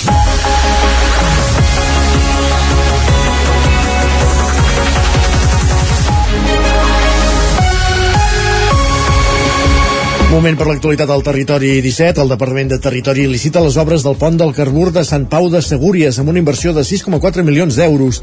Isaac Muntades, la veu de Sant Joan. El Departament de Territori de la Generalitat ha licitat les obres del nou pont del Carbur a la C38 entre Sant Pau de Segúries i Camprodon per a millorar la seguretat viària. Els treballs suposaran una inversió de 6,4 milions d'euros i està previst que les obres comencin el segon semestre de l'any vinent, amb un termini d'execució d'un any. El director dels Serveis Territorials de Girona de Territori, el Sant Joan i Sergi Albric, es mostrava satisfet per haver desencallat aquesta obra. Donar solució a una obra històrica i molt demandada que és de millorar el traçat del pont del Carburo, aquest pont no, que té aquestes dues curves molt acusades que històricament doncs, han lligat doncs, a, diversos accidents i per tant a un programa de pas, etc. I per tant és un projecte doncs, d'uns 6 milions d'euros, per tant és una inversió important, una altra inversió important, si més no a, a la comarca i en aquest cas també a la vall de Camprodon i que posa o té la voluntat de posar fi doncs, a una infraestructura obsoleta per donar-ne una de molt més segura que permeti doncs, aquesta connexió entre Sant, eh, Sant Pau de Segúries i Camprodon i en resum de tota la vall de Camprodon. La carretera C38 travessa el riu Ter a la sortida de Sant Pau en direcció a Camprodon amb un viaducte d'arcs de formigó que té una amplada de 5 metres i mig i que és força més estret que la resta de la carretera i un traçat en revolt i contrarrevolt que pot dificultar la conducció en aquest entorn. Per tal de millorar la mobilitat en aquest indret està prevista la construcció d'un nou pont molt proper a l'actual, més ample i amb un traçat més còmode i segur. La nova estructura tindrà 135 metres de longitud i comptarà amb dos carrils de la circulació de 3 metres i mig, vorals d'un metre i una vorera al costat esquerre d'un metre i mig d'amplada. El pont, format per una estructura mixta de formigó i acer, es construirà en biaix respecte a la llera del riu, de manera que millorarà el traçat de la via. L'estructura actual es conservarà i quedarà connectada amb la xarxa de camins locals. Gràcies, Isaac. Anem ara cap al Moianès, perquè la capital, Moià, destinarà 313.000 euros a reformar el Parc Municipal Francesc Vinyes, Roger Ram, zona codinenca. Sí, exacte. El Parc Francesc Vinyes de la capital del Moianès és un recinte d'estil neoclàssic i romàntic construït ara fa més d'un segle, l'any 1915. Actualment és la zona verda més gran de l'interior del poble i acull diverses activitats, tant culturals com de lleure, durant tot l'any. Després d'aprovar un nou pla d'usos durant aquest any, ara l'Ajuntament de Moià vol adequar l'espai a les seves necessitats actuals i posant-lo al dia. L'Ajuntament, doncs, ha tret a licitació les obres que duraran uns sis mesos i amb un projecte que inclou treballs de canalització d'aigua, electricitat i connectivitat. A més, també es rehabilitaran els límits de les zones verdes i s'instal·laran nous sistemes de cunetes pel drenatge superficial. Pel que fa als camins i als espais oberts d'aquest parc, aquests es pavimentaran. També es farà una plantació d'arbres en certes zones del parc que han quedat pobres de vegetació. Fins al proper 13 de desembre es poden presentar ofertes en aquest procés de licitació obert. Està previst que els treballs comencin a principis de l'any 2024. Gràcies, Roger. Més qüestions. Recordem aquest apunt que us fèiem a les 9 del matí, aquesta notícia que avançava l'Agència Catalana de Notícies i recollia el 99.cat. La Fiscalia demana 23 anys de presó a un entrenador d'atletisme de Vic que l'any 2008 presumptament hauria comès tres delictes d'abús sexual a una menor. L'escrit de Fiscalia, a què ha tingut accés l'Agència Catalana de Notícies, destaca que els fets s'haurien produït a les pistes municipals d'atletisme quan fent-se valer de la seva posició d'entrenador de reconegut prestigi i sota el pretext que era convenient per per millorar en els entrenaments, li va oferir massatges en una sala a soles al costat dels vestidors. Durant els massatges li va fer tocaments, li va practicar sexe oral i també li va demanar que el masturbés. La Fiscalia vol que l'home pagui 15.000 euros d'indemnització i la prohibició d'acostar-s'hi o comunicar-s'hi amb la víctima, estem parlant. El judici se celebrarà el proper dilluns a Barcelona. Recordem, la Fiscalia que demana 23 anys de presó per un entrenador d'atletisme de Vic. Avancem en aquest repàs informatiu. Eva Font, la portaveu d'Esquerra a l'Ajuntament de Manlleu, és la nova presidenta d'Esquerra Republicana a Osona. El partit ha escollit la direcció pels propers quatre anys amb una única candidatura presentada, la que encapçalaven Font i Josep Casasses, l'alcalde de Gurb, que serà el secretari general Sergi Vives, al 9FM. Font, que havia estat regidora del govern de Manlleu al mandat passat i que va ser la candidata a l'alcaldia d'Esquerra en aquest municipi a les eleccions del 28 de maig, actualment és la portaveu dels republicans a l'oposició al consistori manlleuenc. Fa el pas per encapçalar la Federació Comarcal perquè el partit li ha demanat, però també pel convenciment que calen més dones als càrrecs polítics. Però sí que al final em vaig decidir perquè el mateix que deia en el moment que em vaig postular com a candidata d'Esquerra Manlleu és perquè penso que les dones hi hem de ser, eh, que Esquerra Osona mai hi ha hagut una dona presidenta i que tenia jo l'oportunitat i, i era com el moment de, de si jo ho puc fer doncs ho he de fer, no? Perquè si no llavors també em queixo de que hi ha poques dones a costa que hi hagi dones a la política Eva Font fa tàndem al capdavant de la Federació Comarcal d'Esquerra a Osona amb Josep Casas, l'alcalde de Gurb, que serà el secretari general. L'executiva formada en total per 14 persones també compta, entre d'altres, amb l'alcaldessa de Viladrau i diputada Margarida Feliu a la Secretaria d'Organització, David Camacho de Muntanyola a la Imatge i Comunicació, Santi Cruselles de Vic com a responsable de Política Municipal i Institucional, Maite Anglada de Manlleu a la Secretaria de Transició Ecològica o Enric Enric Cruells de Sant Hipòlit de Voltregà a la de Ciutadania. L'equip combina persones que ja tenien experiència a l'executiva comarcal amb cares noves. Entre els principals reptes hi ha resituar el partit a Osona després de la davallada en les eleccions municipals i les generals i també donar suport a les diferents seccions locals. Sabem que són uns mals resultats i que aquí tenim feina eh, a recuperar-nos una mica tot, eh, que a nivell global eh, bueno, vull dir que no, no va ser una baixada a Osona, sinó que va ser a nivell general i, i això i, i molta feina de comunicació de poder explicar el projecte d'Esquerra i totes les accions que s'estan fent des del govern. Que créixer el partit a la comarca, per això penso que és important també que hi hagi gent jove, gent nova, la candidatura de Bafont i Josep Casasses va tenir el 92% del suport de la militància que va participar a l'Assemblea. Font substitueix a la presidència a Jordi Fàbrega, l'alcalde de Sant Pere de Torelló, que ha ocupat el càrrec durant 7 anys. Hi ha més novetats en aquesta executiva de la Federació de la Federació d'Esquerra d'Osona, i és que per primera vegada no contempla, no contempla els pobles del Lluçanès, i és que l'exalcalde i exregidor de Prats i actualment director de l'Agència de Residus de Catalunya, Isaac Paraire, és el primer president de la nova Federació Federació Comarcal d'Esquerra al Lluçanès, la nova comarca, i per tant nova federació. El Congrés s'hi va presentar una única candidatura que va ser escollida per unanimitat. A Peraire l'acompanyen Eloi Casao de la Secretaria d'Organització, Glòria Borralleres eh, a la de Finances i Montse Berniol, exalcaldessa d'Alpens i actual delegada del govern a la Catalunya Central, que és la secretària d'Imatge i Comunicació. La portaveu del partit a l'Ajuntament de Prats, Montse Voladeres, és la secretària de Política Municipal. Rosa Vilà de la de Feminismes i Joan Mill s'encarrega del món rural. Per aire es proposa enfortir el partit al Lluçanès i que s'hi sumin més persones. Més qüestions, en parlàvem ahir precisament amb el seu protagonista. En Peyu farà temporada amb el seu espectacle L'il·lusionista a Osona, al Teatre Auditori de Callatenes, entre els mesos de gener i febrer de l'any 2024. Ara fa un any en Peyu feia els últims assajos per l'estrena de l'il·lusionista al Teatre de Callatenes, un espectacle que després va portar al Teatre Borràs i Coliseum de Barcelona, on va acabar plegant unes 25.000 persones. Aquest mateix escenari, el de Callatenes, tornarà a ser el que acollirà la nova temporada de l'il·lusionista que, que començarà el 19 de gener i acabarà el 24 de febrer. Tot neix amb la campanya que porta per nom Fora de Barcelona, després de treballar amb la seva productora El Corral per la descentralització de l'audiovisual català, ara s'hi suma l'objectiu de fer el mateix però amb la indústria teatral.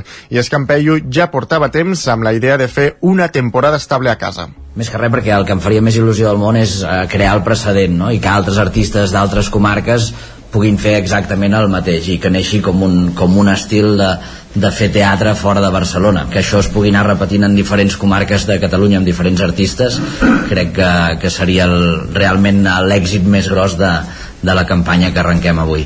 Una campanya que s'ha fet amb la col·laboració d'Osona Turisme, el Consell Comarcal i l'Ajuntament de Caldetenes, amb l'objectiu també de reivindicar la descentralització de la cultura. Miquel Rieras, l'alcalde de Caldetenes, i Albert Prado, el conseller de Turisme del Consell Comarcal. Reivindicar les comarques, no tot és Barcelona, també som comarques, a Osona i Catalunya, en Topeio no se't troba a faltar. Eh? Ens fan falta molts peios perquè crec que és un projecte de tothom eh? o sigui, fer que la gent de fora vingui a la comarca a gaudir culturalment ell deia, tinc l'esperança que sortirà bé nosaltres estem convençuts que sortirà molt bé L'experiència de veure l'il·lusionista no es quedarà només al teatre, ja que amb la compra d'una entrada s'opta a descomptes en allotjaments, restauració, comerços i activitats diverses de la comarca. I el Baix Montseny és l'Associació Popular de Concerts i Joventuts Musicals del Baix Montseny amb la voluntat de col·laborar en la promoció i la difusió de la música als diferents pobles d'aquesta zona, d'aquesta subcomarca. Enric Rubio, Ràdio Televisió Cardedeu. Així és, Isaac, ha estat una setantena de persones les que han constituït aquesta entitat d'àmbit comarcal, la qual neix amb la voluntat de col·laborar en la promoció i la difusió de la música dels diferents pobles de la comarca natural. L'acte inaugural, el qual ha tingut lloc a la sala Bernat Martorell de Can Ramis, a Sant Celoni, hi han assistit el president de Joventuts Musicals de Catalunya, Joan Magraner, i el president de Joventuts Musicals de Banyoles, Rafael Joanola. Amb aquesta associació es pretén no només aconseguir un lloc de trobada per tots els joves amb la música com a nexe comú, sinó que aquest espai pugui ser un motor cultural de visibilització eh, de l'estat actual del sector, aconseguint així un major dinamisme a l'hora de poder fer arribar aquest talent arreu del territori.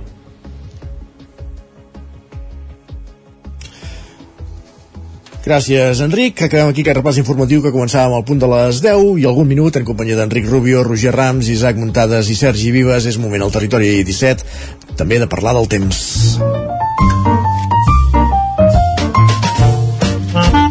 Casa Terradellos us ofereix el temps. Pep Acosta, benvingut de nou, bon dia. Molt bon dia. Aquesta nit les temperatures han pujat. Ens està afectant un front càlid. Està, està arribant aquest front càlid. Gairebé cap glaçada. Ni a molt alta muntanya tampoc. Moltes mínimes per sobre dels 5 graus, entre 5 i 10, moltes mínimes. Poc fred. Bastants núvols. Cada vegada més núvols i atenció al vent també, atenció al vent a totes les nostres comarques, que serà important, vent de sud-sud-oest, perquè aquest front eh, ens, eh, és, és càlid en el seu inici, és un front càlid i fa que la temperatura pugi. A més, aquest vent del sud-sud-oest és responsable de la pujada de les temperatures. L'estat del cel serà força cobert durant tot el dia, amb molts núvols, i de cara a la nit matinada començarà a ploure. On plourà més? Eh, la nit matinada cap al Pirineu, amb la cota de neu molt alta, 2.400-2.600 metres, començarà a baixar, però començarà aquí, eh, a 2.400-2.500 metres. La pluja afectarà sobretot el Pirineu, amb més de 20 litres, 25, cap a la zona de Ripollès, cap a l'interior, cap, a, les comarques d'Osona, Moianès, Vallès, es preveuen de 15 i 20 litres. Uh, seria molt bona notícia, molt bona notícia, tota aquesta pluja, veurem què acaba passant, tots els mapes apunten això, eh? Una bona regada aquesta nit i matinada. Potser el front eh, va una mica tard i um, quan plogui més serà demà al matí, però bueno, això ja ho anirem concretant, però serà, jo crec que més nit i matinada que no pas demà al matí. Uh, les temperatures avui bastant suaus, moltes màximes, moltes màximes entre els 12 i els 18 graus. Uh, tot i la nubositat, tot i aquest front no farà molt fred degut a aquests vents del sud i aquest front càlid que ens està atrevessant ara mateix. I això és tot. Uh, molt bon últim dia de novembre i demà farem balanç d'aquest front i aviam si plou més també del que, del que es preveu en tots els mapes. Moltes gràcies, adeu. Doncs estarem pendents de, del cel i d'aquesta possible pluja. Gràcies, Pep, fins demà. Casa Tarradellas us ha ofert aquest espai. Territori 17. Envia'ns les teves notes de veu per WhatsApp al 646 079 023. 646 079 023. WhatsApp Territori 17.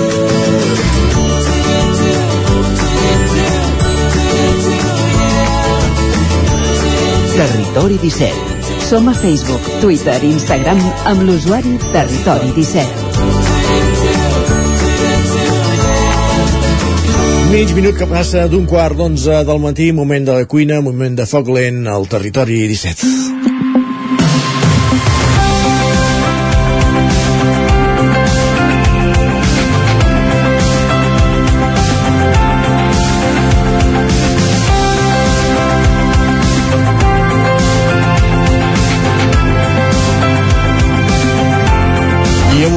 Foc Lent, l'espai que cada setmana dediquem a la cuina, a la gastronomia, al producte aquí al territori 17, ens acompanya als estudis del 9FM en Gerard Fortuny. Benvingut, Gerard. Hola. Bon dia. Bon dia. Gerard Fortuny, que des de fa uns mesos està al capdavant d'una nova proposta de restaurant, d'un nou restaurant a Centelles, a la plaça Major mateix, en ple centre de, de Centelles, un restaurant que és Can Fortuny. Uh, primer de tot, doncs, uh, com està anant aquesta arrencada d'aquest nou projecte, Gerard? Pues, pues molt bé, la veritat que estem molt contents i, i bueno, està sent un repte per nosaltres, però estem assolint-lo bé. Qui t'escolta ja ho pot intuir per la veu, però qui et veu, a més ho veu, eh, ets molt jove, diguéssim, eh, per tant és una empresa important per una persona jove com tu, posar-se al capdavant d'un d'un restaurant. Era un projecte que ja feia temps que treballaves, com, com arrenca tot plat? Pues des de ben petit que estic intentant tindre un somni que és obrir un restaurant i estem lluitant des de ben petits per, per poder assolir aquest somni i bueno, la veritat que des de fa 4 mesos que, que estem lluitant moltíssim i, i estem intentant arribar ja als objectius que volem. I qui és en Gerard Fortuny? Pels que no el coneguem, diguéssim, eh, eh, evidentment ja acumula experiència als fogons, eh, on t'has format, diguéssim, quin, quin és el, què és el que més t'atrau a tu com a cuiner? Eh, pues em vaig formar a l'Escola Hostaleria de Quitona i porto ara mateix 7 anys voltant per els millors cuiners a nivell nacional i bueno, estic molt agraït també de tota la confiança que han posat ells en mi i de, de tot el que m'han pogut ensenyar i res, bueno. Quins cuiners estem parlant? Per on has passat? Va, va, llueix una mica. Bueno, vaig estar una temporada amb en Carles Gaig, que és un cuiner per, per mi, bueno, li tinc molt apreci per tot el que m'ha ensenyat, i també he passat per en Nando Jovany i alguns més que, bueno, al final, pues, vas acumulant experiències. I arriba un moment que dius, ara vull fer el meu projecte. Uh, per què Centelles? Pues la veritat que el meu projecte va ser la Roca del Vallès, però al final em van oferir un restaurant aquí a Centelles i al final és un bis des de fa 10 anys i em coneix, no, em coneix bastanta més gent que, que la Roca i mira, vaig dir que, que volia anar al lloc. Perquè la Roca, tu eh, vens del Vallès, ho entenc o no? Bueno, tinc família a la Roca i tenim una masia ja rústica que algun dia o altre m'agradaria poder també reobrir alguna allà, uh -huh. però mira, no sé, va ser Centelles i m'hi vaig llançar. Perfecte. Uh, com dèiem, uh, Can Fortuny està a la plaça Major de Centelles per situar-nos on antigament hi ha hagut el restaurant Via, per tant aprofiteu que, que queda un local buit i, i us, lo, us el feu vostre, per entendre'ns. Sí. Una mica és aquesta la, la idea. Sí, sí. Què hi trobem a Can Fortuny? pues hi trobareu una cuina tradicional i amb unes arrels molt marcades, però reinterpretem una mica el que seria la tradició. Intentem no no fer el mateix que fa tothom i, i sortir una mica de, de lo convencional i a partir d'aquí vosaltres feu diverses propostes de menús, evidentment hi ha carta però també hi ha eh, diversos men menús de degustació, diguéssim per, perquè cadascú trigui se'l faci a mida, no? per entendre'ns? Sí, bueno, tenim dos menús de degustació un de 8 passos i un de 14 passos el de 8 passos surt a 35 uh -huh. i el de 14 passos a 65 intentem que siguin menús de degustació bastant assequibles per tothom és un dels objectius que em vaig posar aquí a Centelles que eren no buscar que siguin preus bastant assequibles i després també tenim una carta que el que recomanem és que vosaltres us munteu una mica el vostre menú de degustació que us la compartiu els plats i que sigui més entretinguda. Sí, la proposta és més aviat per això, per compartir que no pas per anar a fer el clàssic primer i segon, per entendre's, Exacte, eh? correcte. I quina acceptació està tenint la, la proposta en aquests primers mesos, quatre mesos, deies? La, la, la veritat és que em sorprèn bastant l'acceptació que està tinguent un, aquest tipus de proposta més gastronòmica que jo no me l'esperava així d'aquesta manera.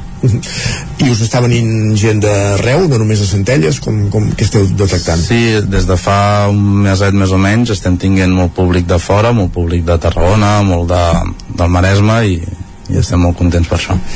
Com la feu, la difusió, diguéssim, com us heu anat donant a conèixer per, per arribar a tot aquest públic? Boca orella és important, segurament, però xarxes socials, que, que Molta, moltíssima xarxes socials, sobretot Instagram, on fa poc van vindre una gent a fer-nos un vídeo que, que bueno, ens va anar molt bé per poder arribar a moltíssima més gent i també estem molt agraïts de que, de que vinguessin I els inputs que teniu de, de la gent que, dels comensals, diguéssim, quins, quins són? Pues la veritat que la gent surt molt sorpresa també quan veu que, que som un equip super jove que al final jo sóc el més gran i, i la gent ja pues, només veient això surt molt, molt contenta un equip superjove, jo sóc el més gran. Quants anys tens, per, per fer-nos una idea. 26 26 i tu ets el més gran per sí. tant, eh, tant la, que és la cap de sala com les persones que, que tenen els comensals són noies eh, més joves però diguéssim molt implicades en el projecte no? Sí, correcte, sí, al final tenen, bueno, tots tenen 21 anys i estan molt implicats i jo estic super agraït d'ells, o sigui, sense ells no, no podria haver-hi res possible. I he tingut molta sort de poder trobar un, un equip molt professional. -huh. Molt bé, Gerard. Abans ens comentaves que surts de l'escola d'hostaleria d'Osona, a, a Tona, diguéssim. Uh, moltes vegades parlem d'això, de, la, de la formació del món de, de l'hostaleria. Avui mateix a les notícies hem parlat de, de la falta de, de cambrers. Uh, i moltes vegades no som conscients de la feina que es fan en aquestes escoles d'hostaleria. Tu estàs content d'haver passat per aquí? Què vas aprendre, diguéssim va ser el teu punt de partida de com a cuiner? Quin va ser la teva experiència a l'escola? La veritat que l'escola em va anar molt bé per iniciar per poder saber què és un ganivet. Al final no quan entres a l'escola no saps ni, ni el que és guisar poder i surts d'allà sabent unes bases molt bones per poder començar a crear una mica la, el teu reconegut i a partir d'aquí és quan ja comences a moure's per totes aquestes cuines que, que ens comentaves abans uh, hem explicat això eh? la proposta gastronòmica de, de Can Fortuny que hi ha aquesta carta per compartir que hi ha aquests menús degustació però parlem una mica de, de què hi trobem en aquests menús, diguéssim, quin producte eh, trobem, abans ens comentaves això que reinterpretes la, la cuina tradicional catalana, però entrant al detall diguéssim, per exemple, si avui venim a fer un menú, què hi trobem? Bueno, al final el que és producte com a tal no em defen, bueno, jo no em defenso mai amb cuina de mercat ni cuina de producte perquè al final ara mateix tal com estan les coses costa molt trobar un producte bé de preu uh -huh. i em defenc més amb, a nivell de cuina a nivell de donar-li molta cuina, un producte una mica més econòmic però que poder a casa no podeu fer-ho i ho trobareu a Can Fortuny molt bé. Uh, a nivell, això, hi, trobem de tot, eh? tant de carn, peix i, i tot sí, tipus de, diguéssim. Per correcte. exemple, el, recurre, uh, el menú de gastació del curs, el que ens deies de 35 euros, ens el pots descriure una mica? Quins són tots els, uh, els passos, diguéssim, d'aquest menú? Sí, començareu per uns snacks, que tenim tres snacks, i després seguireu per una etapa on, on nosaltres li diem per sucar i pa, que és, són diferents textures d'ou, i podeu netejar el plat amb el pa, i d'allà passeu ja uns entrants i després ja a carn o peix podeu escollir entre el carn o el peix i acabeu amb dos postres i aquests entrants, per exemple, quins són? Diguéssim? tenim, ara mateix tenim una albergínia que va amb miso o sigui, fem una miso de mel i li fiquem una escalivada d'albergínia que va escalivada mai confitat i l'acompanyam amb sobrassada i una mica de parmesà que al final el miso i el mel hi queda molt bé la sobrassada Els aperitius? Eh, els aperitius tenim una brava, o sigui, una patata hojaldrada, que hi fica una mica d'oli i tòfona. Sí. I després tenim una esfera de parmesà, que fem una, fregim una mica, no, fem una esfera de parmesà i l'omplim de marmelada de tomàquet. I uh, la carn no, i el peix, eh, amb, què- amb què treballeu, diguéssim, ara mateix? Ara mateix, de moment, mentre no entra, bueno, està començant a entrar a la casa, però fins que no acabi d'entrar bé, de moment seguirem amb un corball amb, amb una ametlla de zafran, i després també tenim una ave forguinyon, que és una galta estofada, i l'acompanyem de moniato. Molt bé. I les postres ja que han fet una... acabem, acabem de repassar un plat, per tant. Bueno, les postres, pues, bueno, tinc la sort de poder tindre una, una noia que és molt, una molt bona pastissera, i ara mateix ens està és? fent... Bueno, es diu, es diu Cota. Molt bé. Diuen Cota. Eh, està, ara mateix ens està fent una sopa freda de pinya, coco i gengibre, i després acabes amb una coca de carbassa. I aquesta temporada fa una coca de carbassa. Doncs aquest és un, el menú degustació curt que es pot fer a Can Fortuny, hi ha un de, encara més llarg amb més passos, qui vulgui detall doncs, per exemple, com, com indicava en Gerard a les xarxes socials podeu trobar podeu veure eh, alguns algunes d'aquestes elaboracions quan podem venir a Can Fortuny? Quins són els horaris d'obertura? Podeu vindre de dijous a diumenge, obrim per dinar i sopar menys diumenge, que només obrirem al migdia, i, bueno, podeu vindre quan vulgueu. I sempre heu fet aquests horaris o hi heu anat modificant en funció de... No, des del primer dia que estem, estem amb aquests horaris, intentem...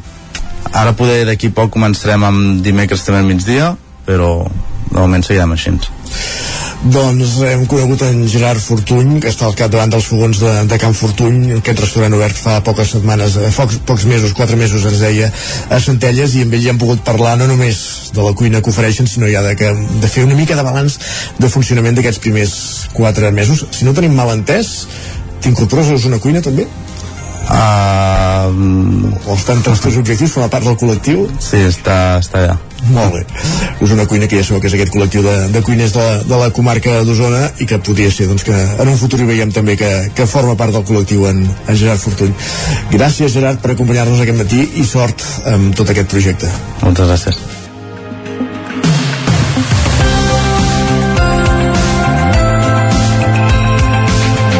Doncs amb la cuina, amb la foc lent, arribem a la pausa, tot sigui 3 minuts de publicitat, però tornem ràpidament de seguida i ens espera en Guillem Sánchez amb el que ha recollit a Twitter, a X, i acte seguit al cinema amb en Gerard Fosses i en Joan Garcia des de la veu de Sant Joan repassant les estrenes de la setmana les novetats de les cartelleres de casa nostra per acabar com cada dijous el programa parlant de de sèries amb algunes recomanacions que ens farà l'Isaac Muntades també des de de Sant Joan. Pausa i tornem. El nou FM, la ràdio de casa, al 92.8. Situat en un entorn immillorable, envoltat de natura, a l'hostal restaurant La Guineu tenim la brasa encesa tot el dia per esmorzar, dinar o sopar a la fresca. Ja tenim a punt les opcions de menús d'empresa i per les festes de Nadal, Sant Esteve o Cap d'Any. Estem especialitzats en opcions vegetarianes. Hostal La Guineu. Ens trobareu a l'urbanització Les Guilleries de Viladrau. Obrim tots els dies. M'encanta regalar llibres de la llibreria Mater. Tenen novel·les que et fan viatjar a mons desconeguts, poesia que et fa sentir cada paraula, assaig que et fan reflexionar i contes infantils que fan volar la imaginació dels més petits. M'agrada regalar agendes, quaderns, bolígrafs i calendaris de la llibreria Mater. Si busques un regal original, no busquis més. Tenen una àmplia selecció de regals de papereria que segur que els encantarà. Llibreria i papereria Mater, seleccionant el que farà feliç als teus des de 1957. Pla de Balanyà 23 de Vic. Vine al Garden Tortadès de Vic i descobreix l'exposició de Nadal més màgica de la comarca. Decoració, ornaments, il·luminació, poncèties, arbres de Nadal i molt més. Inspira't i crea el Nadal dels teus somnis. Obrim cada dia, diumenges i festius inclosos. Garden Tortadès. Ens trobaràs al polígon Mas Galí de Vic. Ser a prop vol dir veure les coses més bé. Apropa't al que t'interessa amb la xarxa Més. La teva plataforma audiovisual de qualitat, proximitat i gratuïta. Gaudeix dels continguts de més de 30 televisions locals i podcast quan, com i on tu vulguis. Entra a la xarxa més.cat i descarrega't l'app. Cocodril Club. Si t'agrada la bona música dels anys 60, 70 i 80, escolta el 9 FM als matins de dissabtes i diumenges d'11 a 1. És el temps del Cocodril Club, tot un clàssic de la ràdio, amb les bases del pop-rock, les llegendes, les cançons que s'han convertit en autèntics himnes. Recorda, dissabtes i diumenges al matí, d'11 a 1, al 9 FM 92.8. Cocodril Club, el programa revival de l'Albert Malla. Hasta luego, cocodrilo. T'imagines un programa de política, d'economia, feina... Doncs ja te'n pots oblidar. Quin tinglado! Un programa d'entreteniment, actualitat, cultura i molt rigorós. Amb Bada Serrat, Miquel Giol i Eudal Puig. Un programa que no passarà a la història i que tampoc guanyarà cap ondes. No ens flipem. Escolta'l cada dijous en directe de 8 a 9 del vespre al 9 FM. Ai, ai, ai, quin tinglado! Anuncia't al 9FM. La màquina de casa. 9 3 8 8 9 4 9 4 9 Publicitat arroba al 9FM.cat. Anuncia't al 9FM. La publicitat més eficaç. El 9 FM, el 9 FM, el 9 FM, el 9 FM. En punt, clavem dos quarts d'onze al territori 17. Guillem Sánchez, benvingut, bon dia. Què tal, com estem? Bé, i tu? Doncs mira, amb la, amb la gana oberta, amb l'estómac obert. Gana obert, estómac Sí. obert, que no has esmorzat encara. He esmorzat i molt, però després de veure el que ens escriuen per uh, Twitter, uh, carai, encara em ve més gana. Ah, que van mirar el joc de cartes ahir? No, no, no, entesos. no va per aquí la cosa. D'acord, doncs va, dispara, què has trobat a X? Mira, què ens diu la Pineda? Diu, avui quan em preparava el, el tupper per dinar a la feina, la nena ha vist les mandonguilles i se n'ha fotut la meitat per esmorzar. Carai! Ja veig que perquè... Això és d'esmorzar de forquilla, com meu mare. Diu, ja veig que perquè mengi el matí hauré de tirar d'esmorzars de forquilla. Diu, ves que no li faci tripa per demà. Molt bé, molt bé. Home, sempre es posa bé unes Aquesta primera nena, hora. aquesta nena apunta maneres. I en Xavier en aquest cas li respon, diu Naltros amb la petita fèiem una ració de més del sopar per fer l'esmorzar de demà truita, mandonguilles, carn arrebossada quina manera més maca de llevar-se Això és la manera de fer, de, de, de fer planter. Sí, sí, m'agrada, m'agrada, m'agrada. Va, i canviant de tema, l'Eduard ens fa una pregunta Pregunta, Eduard. Quants vaixells d'aigua equivalen tots aquests canons de neu de la Molina? Què vols dir? Quants? Ah, quants vaixells d'aigua, que, aquests que porten aigua. Sí. Ens cal pluja, eh? Ens cal pluja, Isaac. cal pluja. Ens cal pluja. Posaríem un sirier on, on fes falta, eh, perquè tornés a ploure. a, ara faré de director d'estació d'esquí. Sí, sí, però clar, aquesta neu dels canons llavors es torna a filtrar a la terra. Aquesta no la perdem, la recuperem. Com t'agrada? Com t'agrada ser políticament correcte? No, políticament correcte no, és aquí una, manera d'afegir cal... Eh, en fi, és igual. Llenya al foc. Correcte. Va, i a xarxes també s'ha debatut molt les últimes hores sobre el concepte, Isaac, d'ecoansietat. Ui. En recollim només dos missatges perquè podríem estar fins al final de la secció així. Dispara'm. El primer diu, ecoansietat la tenen la colla de pagesos quan veren temporals. Diu, no quatre hippies que viatgen cada any fora d'Europa. Bastant d'acord amb Sí, aquesta afirmació. O aquesta altra que m'encanta, Mon padrí també tenia ecoansietat, patia pels enciams quan jugàvem amb la pilota al costat de l'hort. És, és ben bé això. És ben bé això. Va, i atenció a la conversa entre mare i fill transcrita a través de Twitter. Ja. La mare li diu, però on vas així? I el fill li diu, el flow no es tria, mama, et tria. Diu, estic entre matar-lo o brindar amb ell. El flow. Jo crec... El concepte. Jo aposto més per la segona opció. Brinda amb ell, que s'ho Sí, cregui més. i que vagi amb l'autoestima superalta. Exacte. Va, en Guillem també ha hagut de suportar avui al matí el bon fer d'una criatura i ens ho escriu així. Diu, un nen al bus m'acaba de dir si volia que em deixés el seient per ser un senyor gran. Bon dia. Ai, senyor, quants anys té Guillem? No conec l'edat d'en Guillem, però jo més de 35 no n'hi poso. Caram, però també s'ha d'admetre que el jove és educat. I tant, i tant, que sí, l'han, li han ensenyat bé a casa. I Isaac, em sembla que aquests dies també corre per xarxes el tema aquest de l'Spotify Sí, que- Rapid, que, que en diuen no sé què. Spotify, sí, sí. Correcte. Va, doncs atenció al que ens diu en Guillem. Diu, Guillem? Spotify, no sé com es diu, eh? Uh, Rapid, no sé... No, Això. Això és una eina excel·lent perquè la gent tingui una excusa per enviar-se un missatge i assolir el principal objectiu de les xarxes socials. Lligar. Ah, ai, mira, acaba- s'acaba de disparar el meu del mòbil, ves per on. és una manera de veure-ho, eh, la, Sí, sí, la veritat, això. I parlant de música, va, llegim també una altra opinió que ens diu actualment a la meva llista de cançons en bucle de Spotify hi ha Cel amunt de la copla de la principal de la Bisbal seguit de Chulo de Batgirl.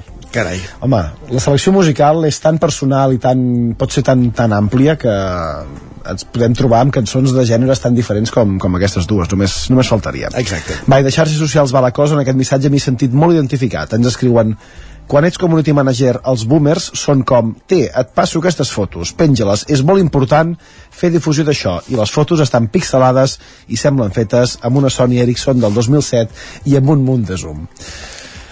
Com ho farem entendre a la gent? Bé, mm, pedagogia, pedagogia. Va, i venint d'on venim, aquesta comparació d'en Joel també m'ha fet molta gràcia, Isaac. Digues. Ens diu, Xavi és a Guardiola, el que rebenta és a Dyson. Carai. jo... Encara ha apuntat prou alt si ha dit rebenta. Me l'he hagut d'estar pensant una mica i he hagut d'entendre que rebenta entenc que és pitjor que Dyson.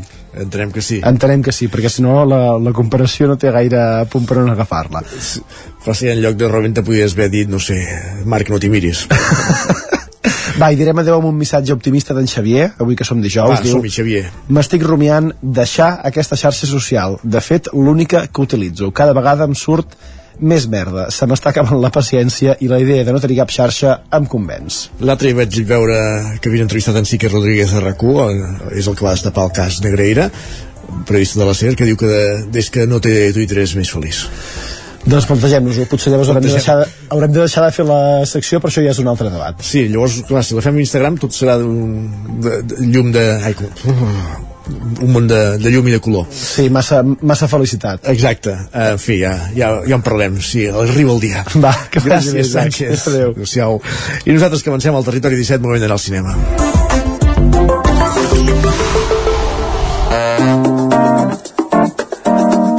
Territori 17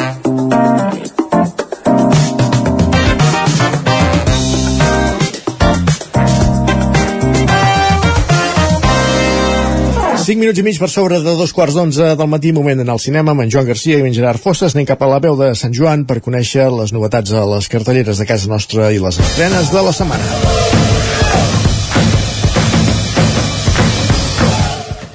i ja hi tornem a ser i ens torneu a enganxar amb les crispetes a la, a la mà perquè tornem a anar al cinema i ho tornem a fer com sempre amb en Gerard Fosses Hola Gerard Hola, què tal? Bé, com va això?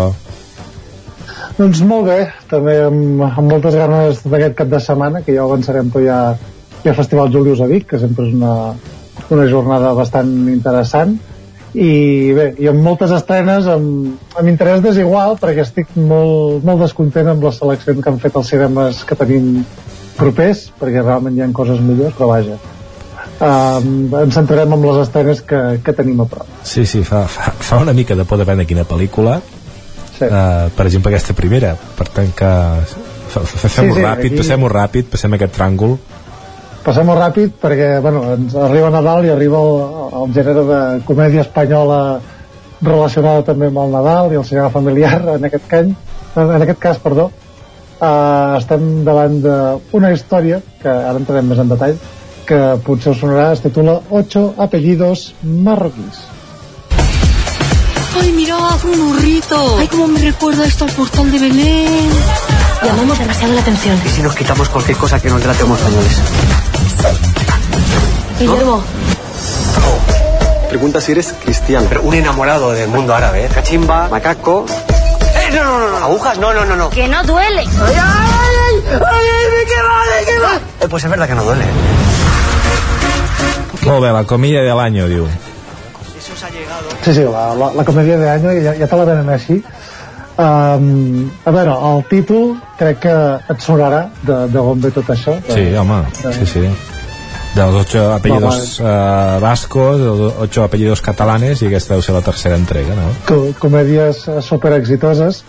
Uh, aquí el que és més graciós de tot és que aquesta pel·lícula no té res a veure amb, amb aquesta franquícia.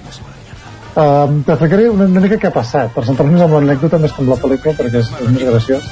Això és una pel·lícula que, que es titulava en projecte Casi Família. Vale? I, I la història, la- l'argument, és un viatge que fa un home des de Cantàbria fins al Marroc amb la, amb la seva filla i amb, i amb l'ex de la seva filla uh, això, ell per, perquè havia treballat molt a Marroc i doncs que, doncs, que va a buscar coses de les seves arrels i fan aquest viatge doncs, on el noi intenta com reconquistar la noia, etc. Quan arriben a Marroc eh, descobreixen que, que aquest pare, aquest home doncs, té una filla secreta allà uh, òbviament tot això en to de comèdia, etc etc. El que passa és, és això, que pel que sigui, o la distribuïdora, o no sé qui ha set exactament, va decidir que com que argumentalment encaixava a dintre de, de com eren les pel·lícules aquestes de xopelleros catalanes, de xopelleros bascos que sempre el tema és el xoc cultural i una història romàntica a dintre d'aquest xoc cultural doncs ens diu, saps què? li canviarem el títol de Casa i Família i li posarem ocho apellidos marroquís pues, perquè sí perquè sí fem màrqueting no? és com apropiar-se de- d'un nom de franquícia que, que, que la, també la porta Universal i dir, mira, ho colarem així a veure si d'aquesta manera, i dient que és la comèdia de l'any doncs portem a, a la gent a les sales Em sembla que algun dels actors, el Julián López, eh, sí que estaven les dues cintes, no? O, pot, o no? Ah, doncs ara mateix no me'n recordo. És que la, la dels catalans no l'he vista i la dels bascos l'he aconseguit oblidar. La su- Sí, no et sabria dir. Ara, ara ho buscaré. Uh, però vull que al final suposo que aquí hi ha permisos i coses, no? Sí, sí, sí, eh, que el- els drets ja dic són de, de la mateixa distribuïdora, també hi ha Mediaset al darrere.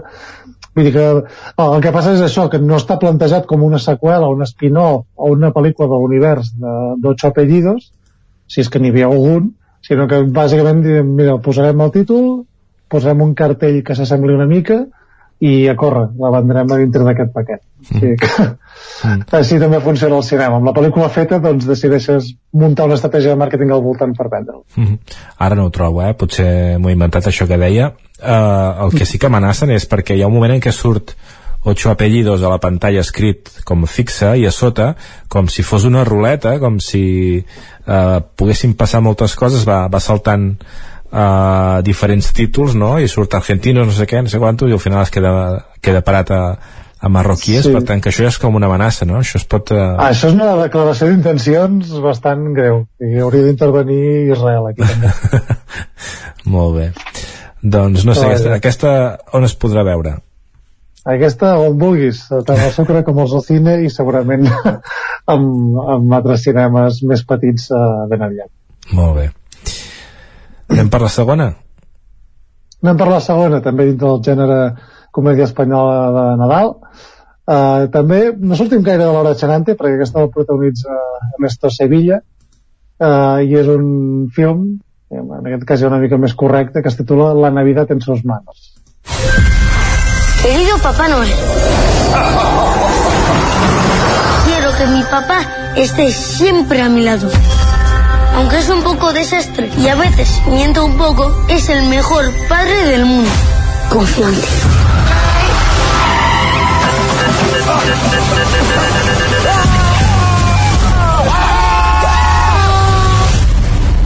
¿Y el gordo este de dónde ha salido? Soy Papá Noel. Y un ratoncito, pero no te jodas. No, huelga de elfos, no. ¡Enfermera! ¡Me ha puesto con un loco peligroso! La seguridad social, un hotel de cinco estrellas. Pero ¿cómo que no me van a dar el alta? En unos días es Nochebuena. Necesitaría que hicieras un recadillo para mí. Repartir los regalos a todos los niños del mundo. Cuenta con ello. ¿De verdad? Que no, que no eres Papá Noel, que eres un viejo que se ha dado un golpe en la cabeza y se ha quedado tonto. ¿Se puede saber dónde estás? Hoy te tocaba a ti recoger a Lucas al cole. Pringao, escuchó a mi mamá decir que ojalá Martín fuera papá. Ja en tenim prou, perdona, eh? Sé que és dolent i tot, no fa bona pinta, però m'he enganxat. Sí, sí, te- t'enganxes, eh?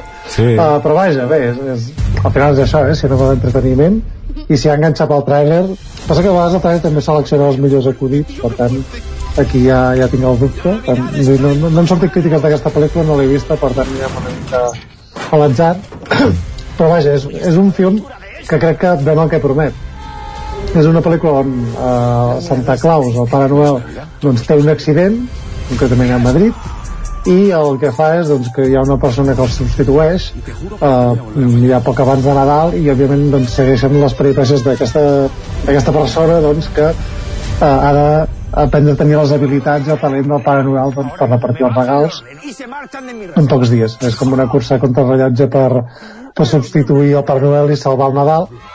Una mica la línia aquell capítol del Simpson on la... no, la de Padre Família era ara no sé quin era, que, que això, que la mort es lesiona i el personatge protagonista, em sembla que era Padre Família és el Peter Griffin que eh, agafa la toga de la mort i la guadanya i comença a adquirir les seves funcions i ocupar les seves funcions Mm.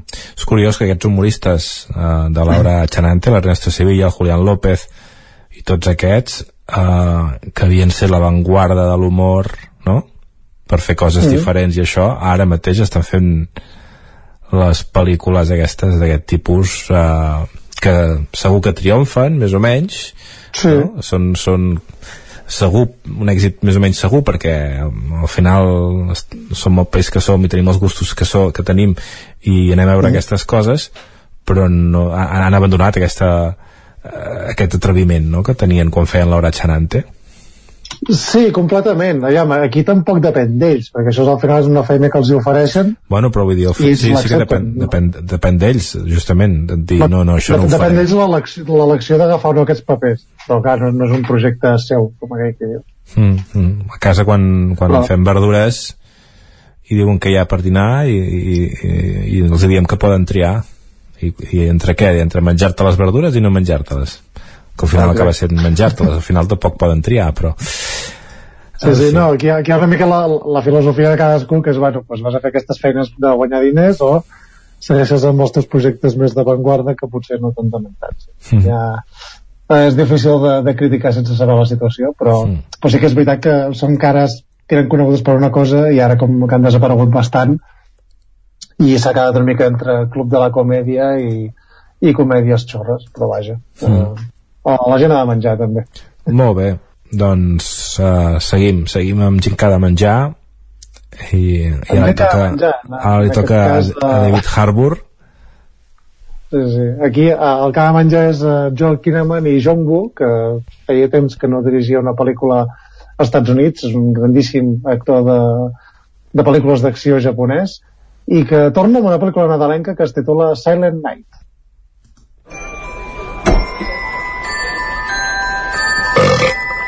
No vas a conducir, ¿verdad? Yo guío un poco, pero los renos pilotan solos. Este es mi cuarto año de Santa Claus.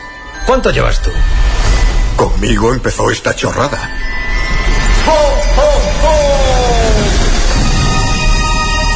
¡Es Navidad! Hemos decidido adelantarte un regalo. ¿Qué es? Es una línea directa con el mismísimo Santa Claus. ¿Puedo hablar con Santa? Muy bien, juerguistas. Bienvenidos a vuestras peores navidades. ¡Vamos! Molt bé, el que semblava això, una pel·lícula de Nadal tranquil·leta, ja comencen a haver aquí pistoles i segrestos i, i violència en la qual hi acaba participant Santa Claus. És com un superheroi. Exacte, bueno, aquí sí, més o menys aquí, però aquí n'hi ha d'haver per tots, no tot han de ser comèdies amables. Aquí tenim una història de, de venjança eh, d'un home que, que viu atormentat perquè ha vist com, ha estat testimoni de com el seu fill moria entremig d'un tiroteig entre bandes i decideix entrenar-se per, eh, doncs, per complir la, la seva venjança i és això, és una pel·lícula d'acció molt plana però, però bé, és una pel·lícula d'acció dirigida per John Woo. Si algú li sona una campaneta en el fons del seu cap quan sent aquestes paraules eh, anirà corrents cap al cine perquè és una cosa que sempre val la pena veure per altres no significarà res. Però, però bé, tot i ser una de les pel·lícules més fluixes segurament de la filmografia de, de John Woo sempre val la pena per, per com planifica les, les escenes d'acció sempre ofereix coses originals sempre un directe molt trepidant de veure que passa en aquests casos? Això és un guió molt pla, amb personatges molt, molt plans, tirant cap a l'absurd algunes situacions. Uh, però vaja, és un divertiment d'acció d'aquests d'ofici a més a més que, que funcionen la mar de bé. Molt bé, doncs si voleu veure Santa Claus repartir a cops de puny i ganivetades i tot, doncs ja sabeu que heu d'anar a veure, pel·lícula que l'has dit en el nom en anglès, però que en castellà es diu uh, aquesta no, no, no sé com es diu. Noche de Paz. Ara pensava en el títol en anglès, dic, no sé com funcionava. Silent Night, em sembla, no? Sí, sí, Silent Night, Noche de Paz. Molt bé, doncs deixem ja aquestes Perfecte. tres estrenes, que són les que hi ha. Sí. Ens sap Són les que hi ha. Uh, I ara venen les que hi haurien d'haver, no? Exacte. que bé, ho passarem molt, molt breument perquè no, no les tenim a prop, ja, ja en parlarem si aviat arriben. Una d'elles és La mesita del comedor, la pel·lícula de Calle Casas que va inaugurar Molins de Rei i que va guanyar el Parles Molins. Uh, pel·lícula que tindrà una estrena molt limitada amb alguns, amb alguns cinemes de Barcelona, no sé si de Madrid també. Però vaja, és com això sí que és un autèntic treball de- d'arqueologia o, o de buscar, no, no sé com, com dir-ne i l'altra pel·lícula molt destacada és una nova aventura de Godzilla en aquest cas que ve de, des de Japó que ja feia temps que no en feien una des de, des de Shin Godzilla el 2014 i aquest és un film que es titula Godzilla Minus One que torna una mica als orígens del que és el personatge on el Godzilla no és un salvador sinó que és un monstre que arrasa ciutats. I està en un context posterior a la Segona Guerra Mundial. Uh, les crítiques que he pogut llegir parlen això de pel·lícula trepidant, que Godzilla és realment terrorífic i, i de les grans pel·lícules que té aquesta franquícia autènticament dilatadíssima i molt explotada però que realment des de Japó encara ens han oferint pel·lícules realment bones perquè Shin Godzilla era, una pel·lícula per exemple molt política i, i molt potent amb unes escenes realment espectaculars i aquesta sembla que va bastant poc mm. Mm. Hòstia, a més és espectacular, eh? Uh, sí, sí. Aquest tipus de pel·lícules uh, japoneses que fa un temps segurament tenien un argument interessant com el poden tenir ara però que els efectes especials eren una mica ridículs mm. però clar, hem arribat un moment en què la tecnologia et permet ja fer coses espectaculars i en aquest cas com a mínim la imatge Sí, sí. visual és uau Sí, i a més a més això, amb una mica amb estètica retro, també combinant efectes pràctics, però, però que realment llueixen la, la mar de bé. Mm -hmm. Molt bé. Doncs aquestes són, són les propostes que no podreu veure si no us moveu i busqueu on les fan. Uh, I ara el que anem a fer és a, a, a, a dir una notícia també relacionada amb els Premis Goya. Per què? Què? Què passa? Sí, uh, simplement anunciar que, que, que al llarg d'avui, del dia 30, uh, s'anuncien les nominacions als, als Premis Goya. Segurament la gran favorita serà Cerrar los ojos, de, de Víctor Erice. que passa que no ho posem com a notícia d'actualitat perquè, com Mm. trencant la màgia de la ràdio, aquesta secció va, Està va gravada i enregistrada. encara no ens hem assabentat de les nominacions. Mm -hmm. Molt bé. Uh, I ara sí, anem a fer un repàs de la cartellera del cap de setmana. Uh, el cinema comtal de Ripoll hi ha Wish, El poder de los deseos i Vides passades. Sí, vides passades a dintre del marc del Cineclub Àric, per tant una gran oportunitat per veure la pel·lícula en versió original, que a més a més és especialment interessant veure-la en, en, aquest, en versió original perquè hi ha un tema amb l'idioma també que és important a la pel·lícula i això, i després ja avui ja vam comentar gran estrena de Disney que, que van estrenar la setmana passada. Uh -huh. uh, el cinema Catalunya de Ribes Els Encantats uh, l'Esbarjo de Cardedeu aquest quart cicle de cinema d'esport de, de Cardedeu és curiós que Sí. al nostre territori hi ha molts festivals de muntanya eh? Sí, i just s'ha acabat el, el de Torelló i ara comença aquest mini festival que dura tres dies de, el sisè, perdó, és cicle de cinema d'esport de Cardedeu dedicat a, a la muntanya i es podran veure diversos documentals al llarg del, del cap de setmana des de dijous fins a diumenge. molt bé i l'Alter de Torelló After Sun també n'hem parlat alguna vegada. Sí, pel·lícula extraordinària que encara va voltant pels cines. Si algú no l'ha vist la recomano moltíssim perquè és de les millors de, de l'any passat. El cinema disculpeu el cinema L'Ambra de la Garriga Vides Passades, Napoleón Digimon Adventure i Trolls 3 Sí, aquí per tots els públics, pel·lícules de- d'animació infantil, amb Digimon i amb Trolls, vides passades que segueix tenint recorregut, cosa que celebrem, i Napoleon que està amb la seva segona setmana. Mm. I el Cineclub de Vic, aquesta proposta del, del diumenge xic, que doncs em sembla curiosa, al final jo hauria de convèncer la meva parella per portar els infants Ah. a veure la pel·lícula aquesta, tot Alerta. que jo ho faria encantat. Sí, sí, a veure, aquí fan uh, Beetlejuice de, de Tim Burton, aquest uh, clàssic de, del cinema de terror més, més familiar, i és un cineclub xic especial Julius, recordem, ho vam comentar la setmana passada, aquest any Julius, el Festival Julius, que és aquest concurs, aquest concurs de curtmetratges que, que es fa a Vic, que cada any es dedica a un tema, aquest any és l'exorcista i el dimoni, i bé, al llarg de, del cap de setmana, tant divendres com dissabte, podreu veure les projeccions dels curs participants, i a més a més, el, el dijous, al Casino de Vic hi ha, un, hi ha una sessió especial de microvisor amb Sebastià Darbó, que vindrà a fer una xerrada, posarà fragments de pel·lícules seves, que també ha dirigit pel·lícules que s'han robat a, Núria i a Ribes de Freser, entre altres localitzacions, vull dir que és un tema bastant exòtic, aquest film del viatge al més allà, Mm. això dintre del, del marc del Julius, i llavors ja el dimarts que ve en sessió de, de cineclub normal, diguem, eh, es veurà la pel·lícula Sica, de Carla Sobirana, eh, i serà una sessió gratuïta, perquè forma part dintre d'aquesta iniciativa de conegudes també a casa, que, que impulsa la, la mostra de films de dones i que doncs, li dona moviment i visibilitat a pel·lícules catalanes dirigides per, per dones. Mm. Per cert, que ara ho he vist perquè em sonava i ho he buscat, que aquest any vinent tindrem Beetlejuice 2. Sí, efectivament, també hi ha per allà la Gina Ortega, que és una mica ara la, la cara nova del, del terror, i no sé com sortirà perquè desconec si la dirigeix Tim Burton fins i tot o no. No ho sé, però hi ha Michael Keaton. Uh, ja, ja hi ha tràiler. Ara de seguida que acabem aquesta secció el, el aniré a veure. Doncs vinga, endavant. Uh, ens veiem o ens sí. escoltem la setmana vinent. Vinga, fins la setmana que ve. Adeu. Territori 17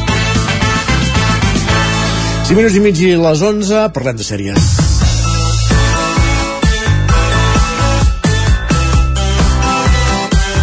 Isaac Muntades, benvingut de nou, bon dia. Bon dia de nou, Isaac. De, de què parlem avui? Quines sèries ens portes? Mira, avui us portaré uh, el juego del calamar, el desafío, que de fet, uh, del joc del calamar la setmana passada ja uh, en, en la teva Absència. baixa absència eh, doncs ja, ja en vam parlar amb en Sergi que, que us avançaria perquè realment ja hi havia uns quants capítols de fet eh, ho han fet en tres tirades, és a dir, primer han passat els cinc primers capítols, eh, ahir van sortir els quatre següents, i per la setmana que ve es reserven el capítol final, és a dir, són 10 capítols dividits en tres entregues. Jo he pogut veure els cinc primers, eh, a les pròximes setmanes també ja us explicaré com, com acaba, però sí que m'agradaria parlar una mica perquè realment és, és curiosa aquesta sèrie. És un reality, és un reality eh, inspirat amb el joc de, del calamar, amb la sèrie, eh, tot igual, eh, vull dir, en el sentit de que hi ha diguéssim el, els, els, els participants doncs, tenen a la indumentària del joc del calamar les zones estan recreades eh, al detall 456 participants un objectiu que és guanyar 4,56 milions de dòlars i evidentment veure que és el més dolent de tots perquè és una sèrie que treu el pitjor de les persones. Sí que dels cinc primers capítols que hi ha doncs, eh, veureu jocs eh, clàssics el, el llum vermella, llum verda de la, de la, de la noia diabòlica que va doncs, jugar a, a parar amb els concursants i els va eliminant veurem el joc de la galeta també que ens deixa algun, algunes, el, algunes escenes bastant curiosetes i després alguna sorpresa, algun joc sorpresa que, que els deixa tots en fora de joc que penso que, que també serà un dels moments de, divertits I, i trobo que per exemple els capítols 4 i 5 són més psicològics no? de veure com reacciona la gent estant allà tancada dia a dia, com van passant els dies i, i no hi ha tanta prova però realment eh, són molt bons capítols jo crec que a partir del capítol 2 sí. la cosa millora bastant. És a dir, el primer poder és més mm, tranquil·let i a partir d'allà millora i es veu doncs, bueno, això que eh, com les persones doncs, són molt ambicioses, cruels per aconseguir l'objectiu, com s'eliminen entre ells com fan aliances, com despotriquen els, uns, els uns dels altres i realment acaba amb un cliffhanger acabava el capítol 5 espectacular, vull dir que els que han vist el joc del calamar ja, ja, ja sabran de què parlo perquè bueno, hi ha unes caniques pel mig, unes, unes bales diguéssim en català sí, sí. i els que han vist la sèrie ja, ja s'imaginaran què passa. I ara res, a, a veure que del capítol 6 al 9 que els van fer ahir no, no el vaig poder veure en cap per desgràcia però bé, té bona pinta mm. ja et dic, més o menys s'imiten els uh, es copien els mateixos jocs que surten a la, a la sèrie jo crec que hi ha, hi ha afegitons hi ha, hi ha, hi ha alguns uh, jocs nous, no sé si apareixeran en la segona temporada del joc del Calamar la sèrie mm -hmm. real, que està inspirada per, per l'any vinent, i res per acabar dir-vos que en aquest cas no maten a ningú eh? Faltaria. Uh, el que sí que em deies ara per línia mm. interna que, que, que podem llançar la proposta comissions de festes i ajuntaments per incloure aquest tipus de, de proves a les festes majors, no? Sí, això seria molt divertit. Sobre, bueno, n'hi ha, ha algunes... Bueno, és que de fet jo crec que no n'hi ha cap que no sigui apte. que no es pugui, que, que no es pugui replicar, diguéssim, d'alguna manera d'alguna manera o altra, vull dir que realment estaria, seria divertit fer-ho. Sí, sí, uh, doncs, i participaria molta gent segur, i amb un bon premi, clar, també. Proposta llançada o, o l'altra cosa? Desperta el, mm. des, desperta el teu Isaac emprenedor i, i, i, i comença a posar fil a l'agulla Sí, potser d'aquí una setmana ja no em veieu aquí al programa Ah, i mira, heu de veus? venir a, a, a fer les proves. a participar a les proves. Gràcies, Isaac. Fins demà. Va, una abraçada. Igualment. I amb aquestes recomanacions de sèries, amb l'Isaac Montades acabem un territori 17 que arrencàvem a les 9 del matí. Des d'aleshores us hem acompanyat Roger Rams, Enric Rubio, Pepa Costa, Guillem Sánchez, Isaac Montades, Gerard Fossa, Joan Garcia, Sergi Vives, Isaac Moreno i tornem demà a partir de les 9. Fins aleshores, bon dijous i gràcies per ser-hi. Adéu-siau.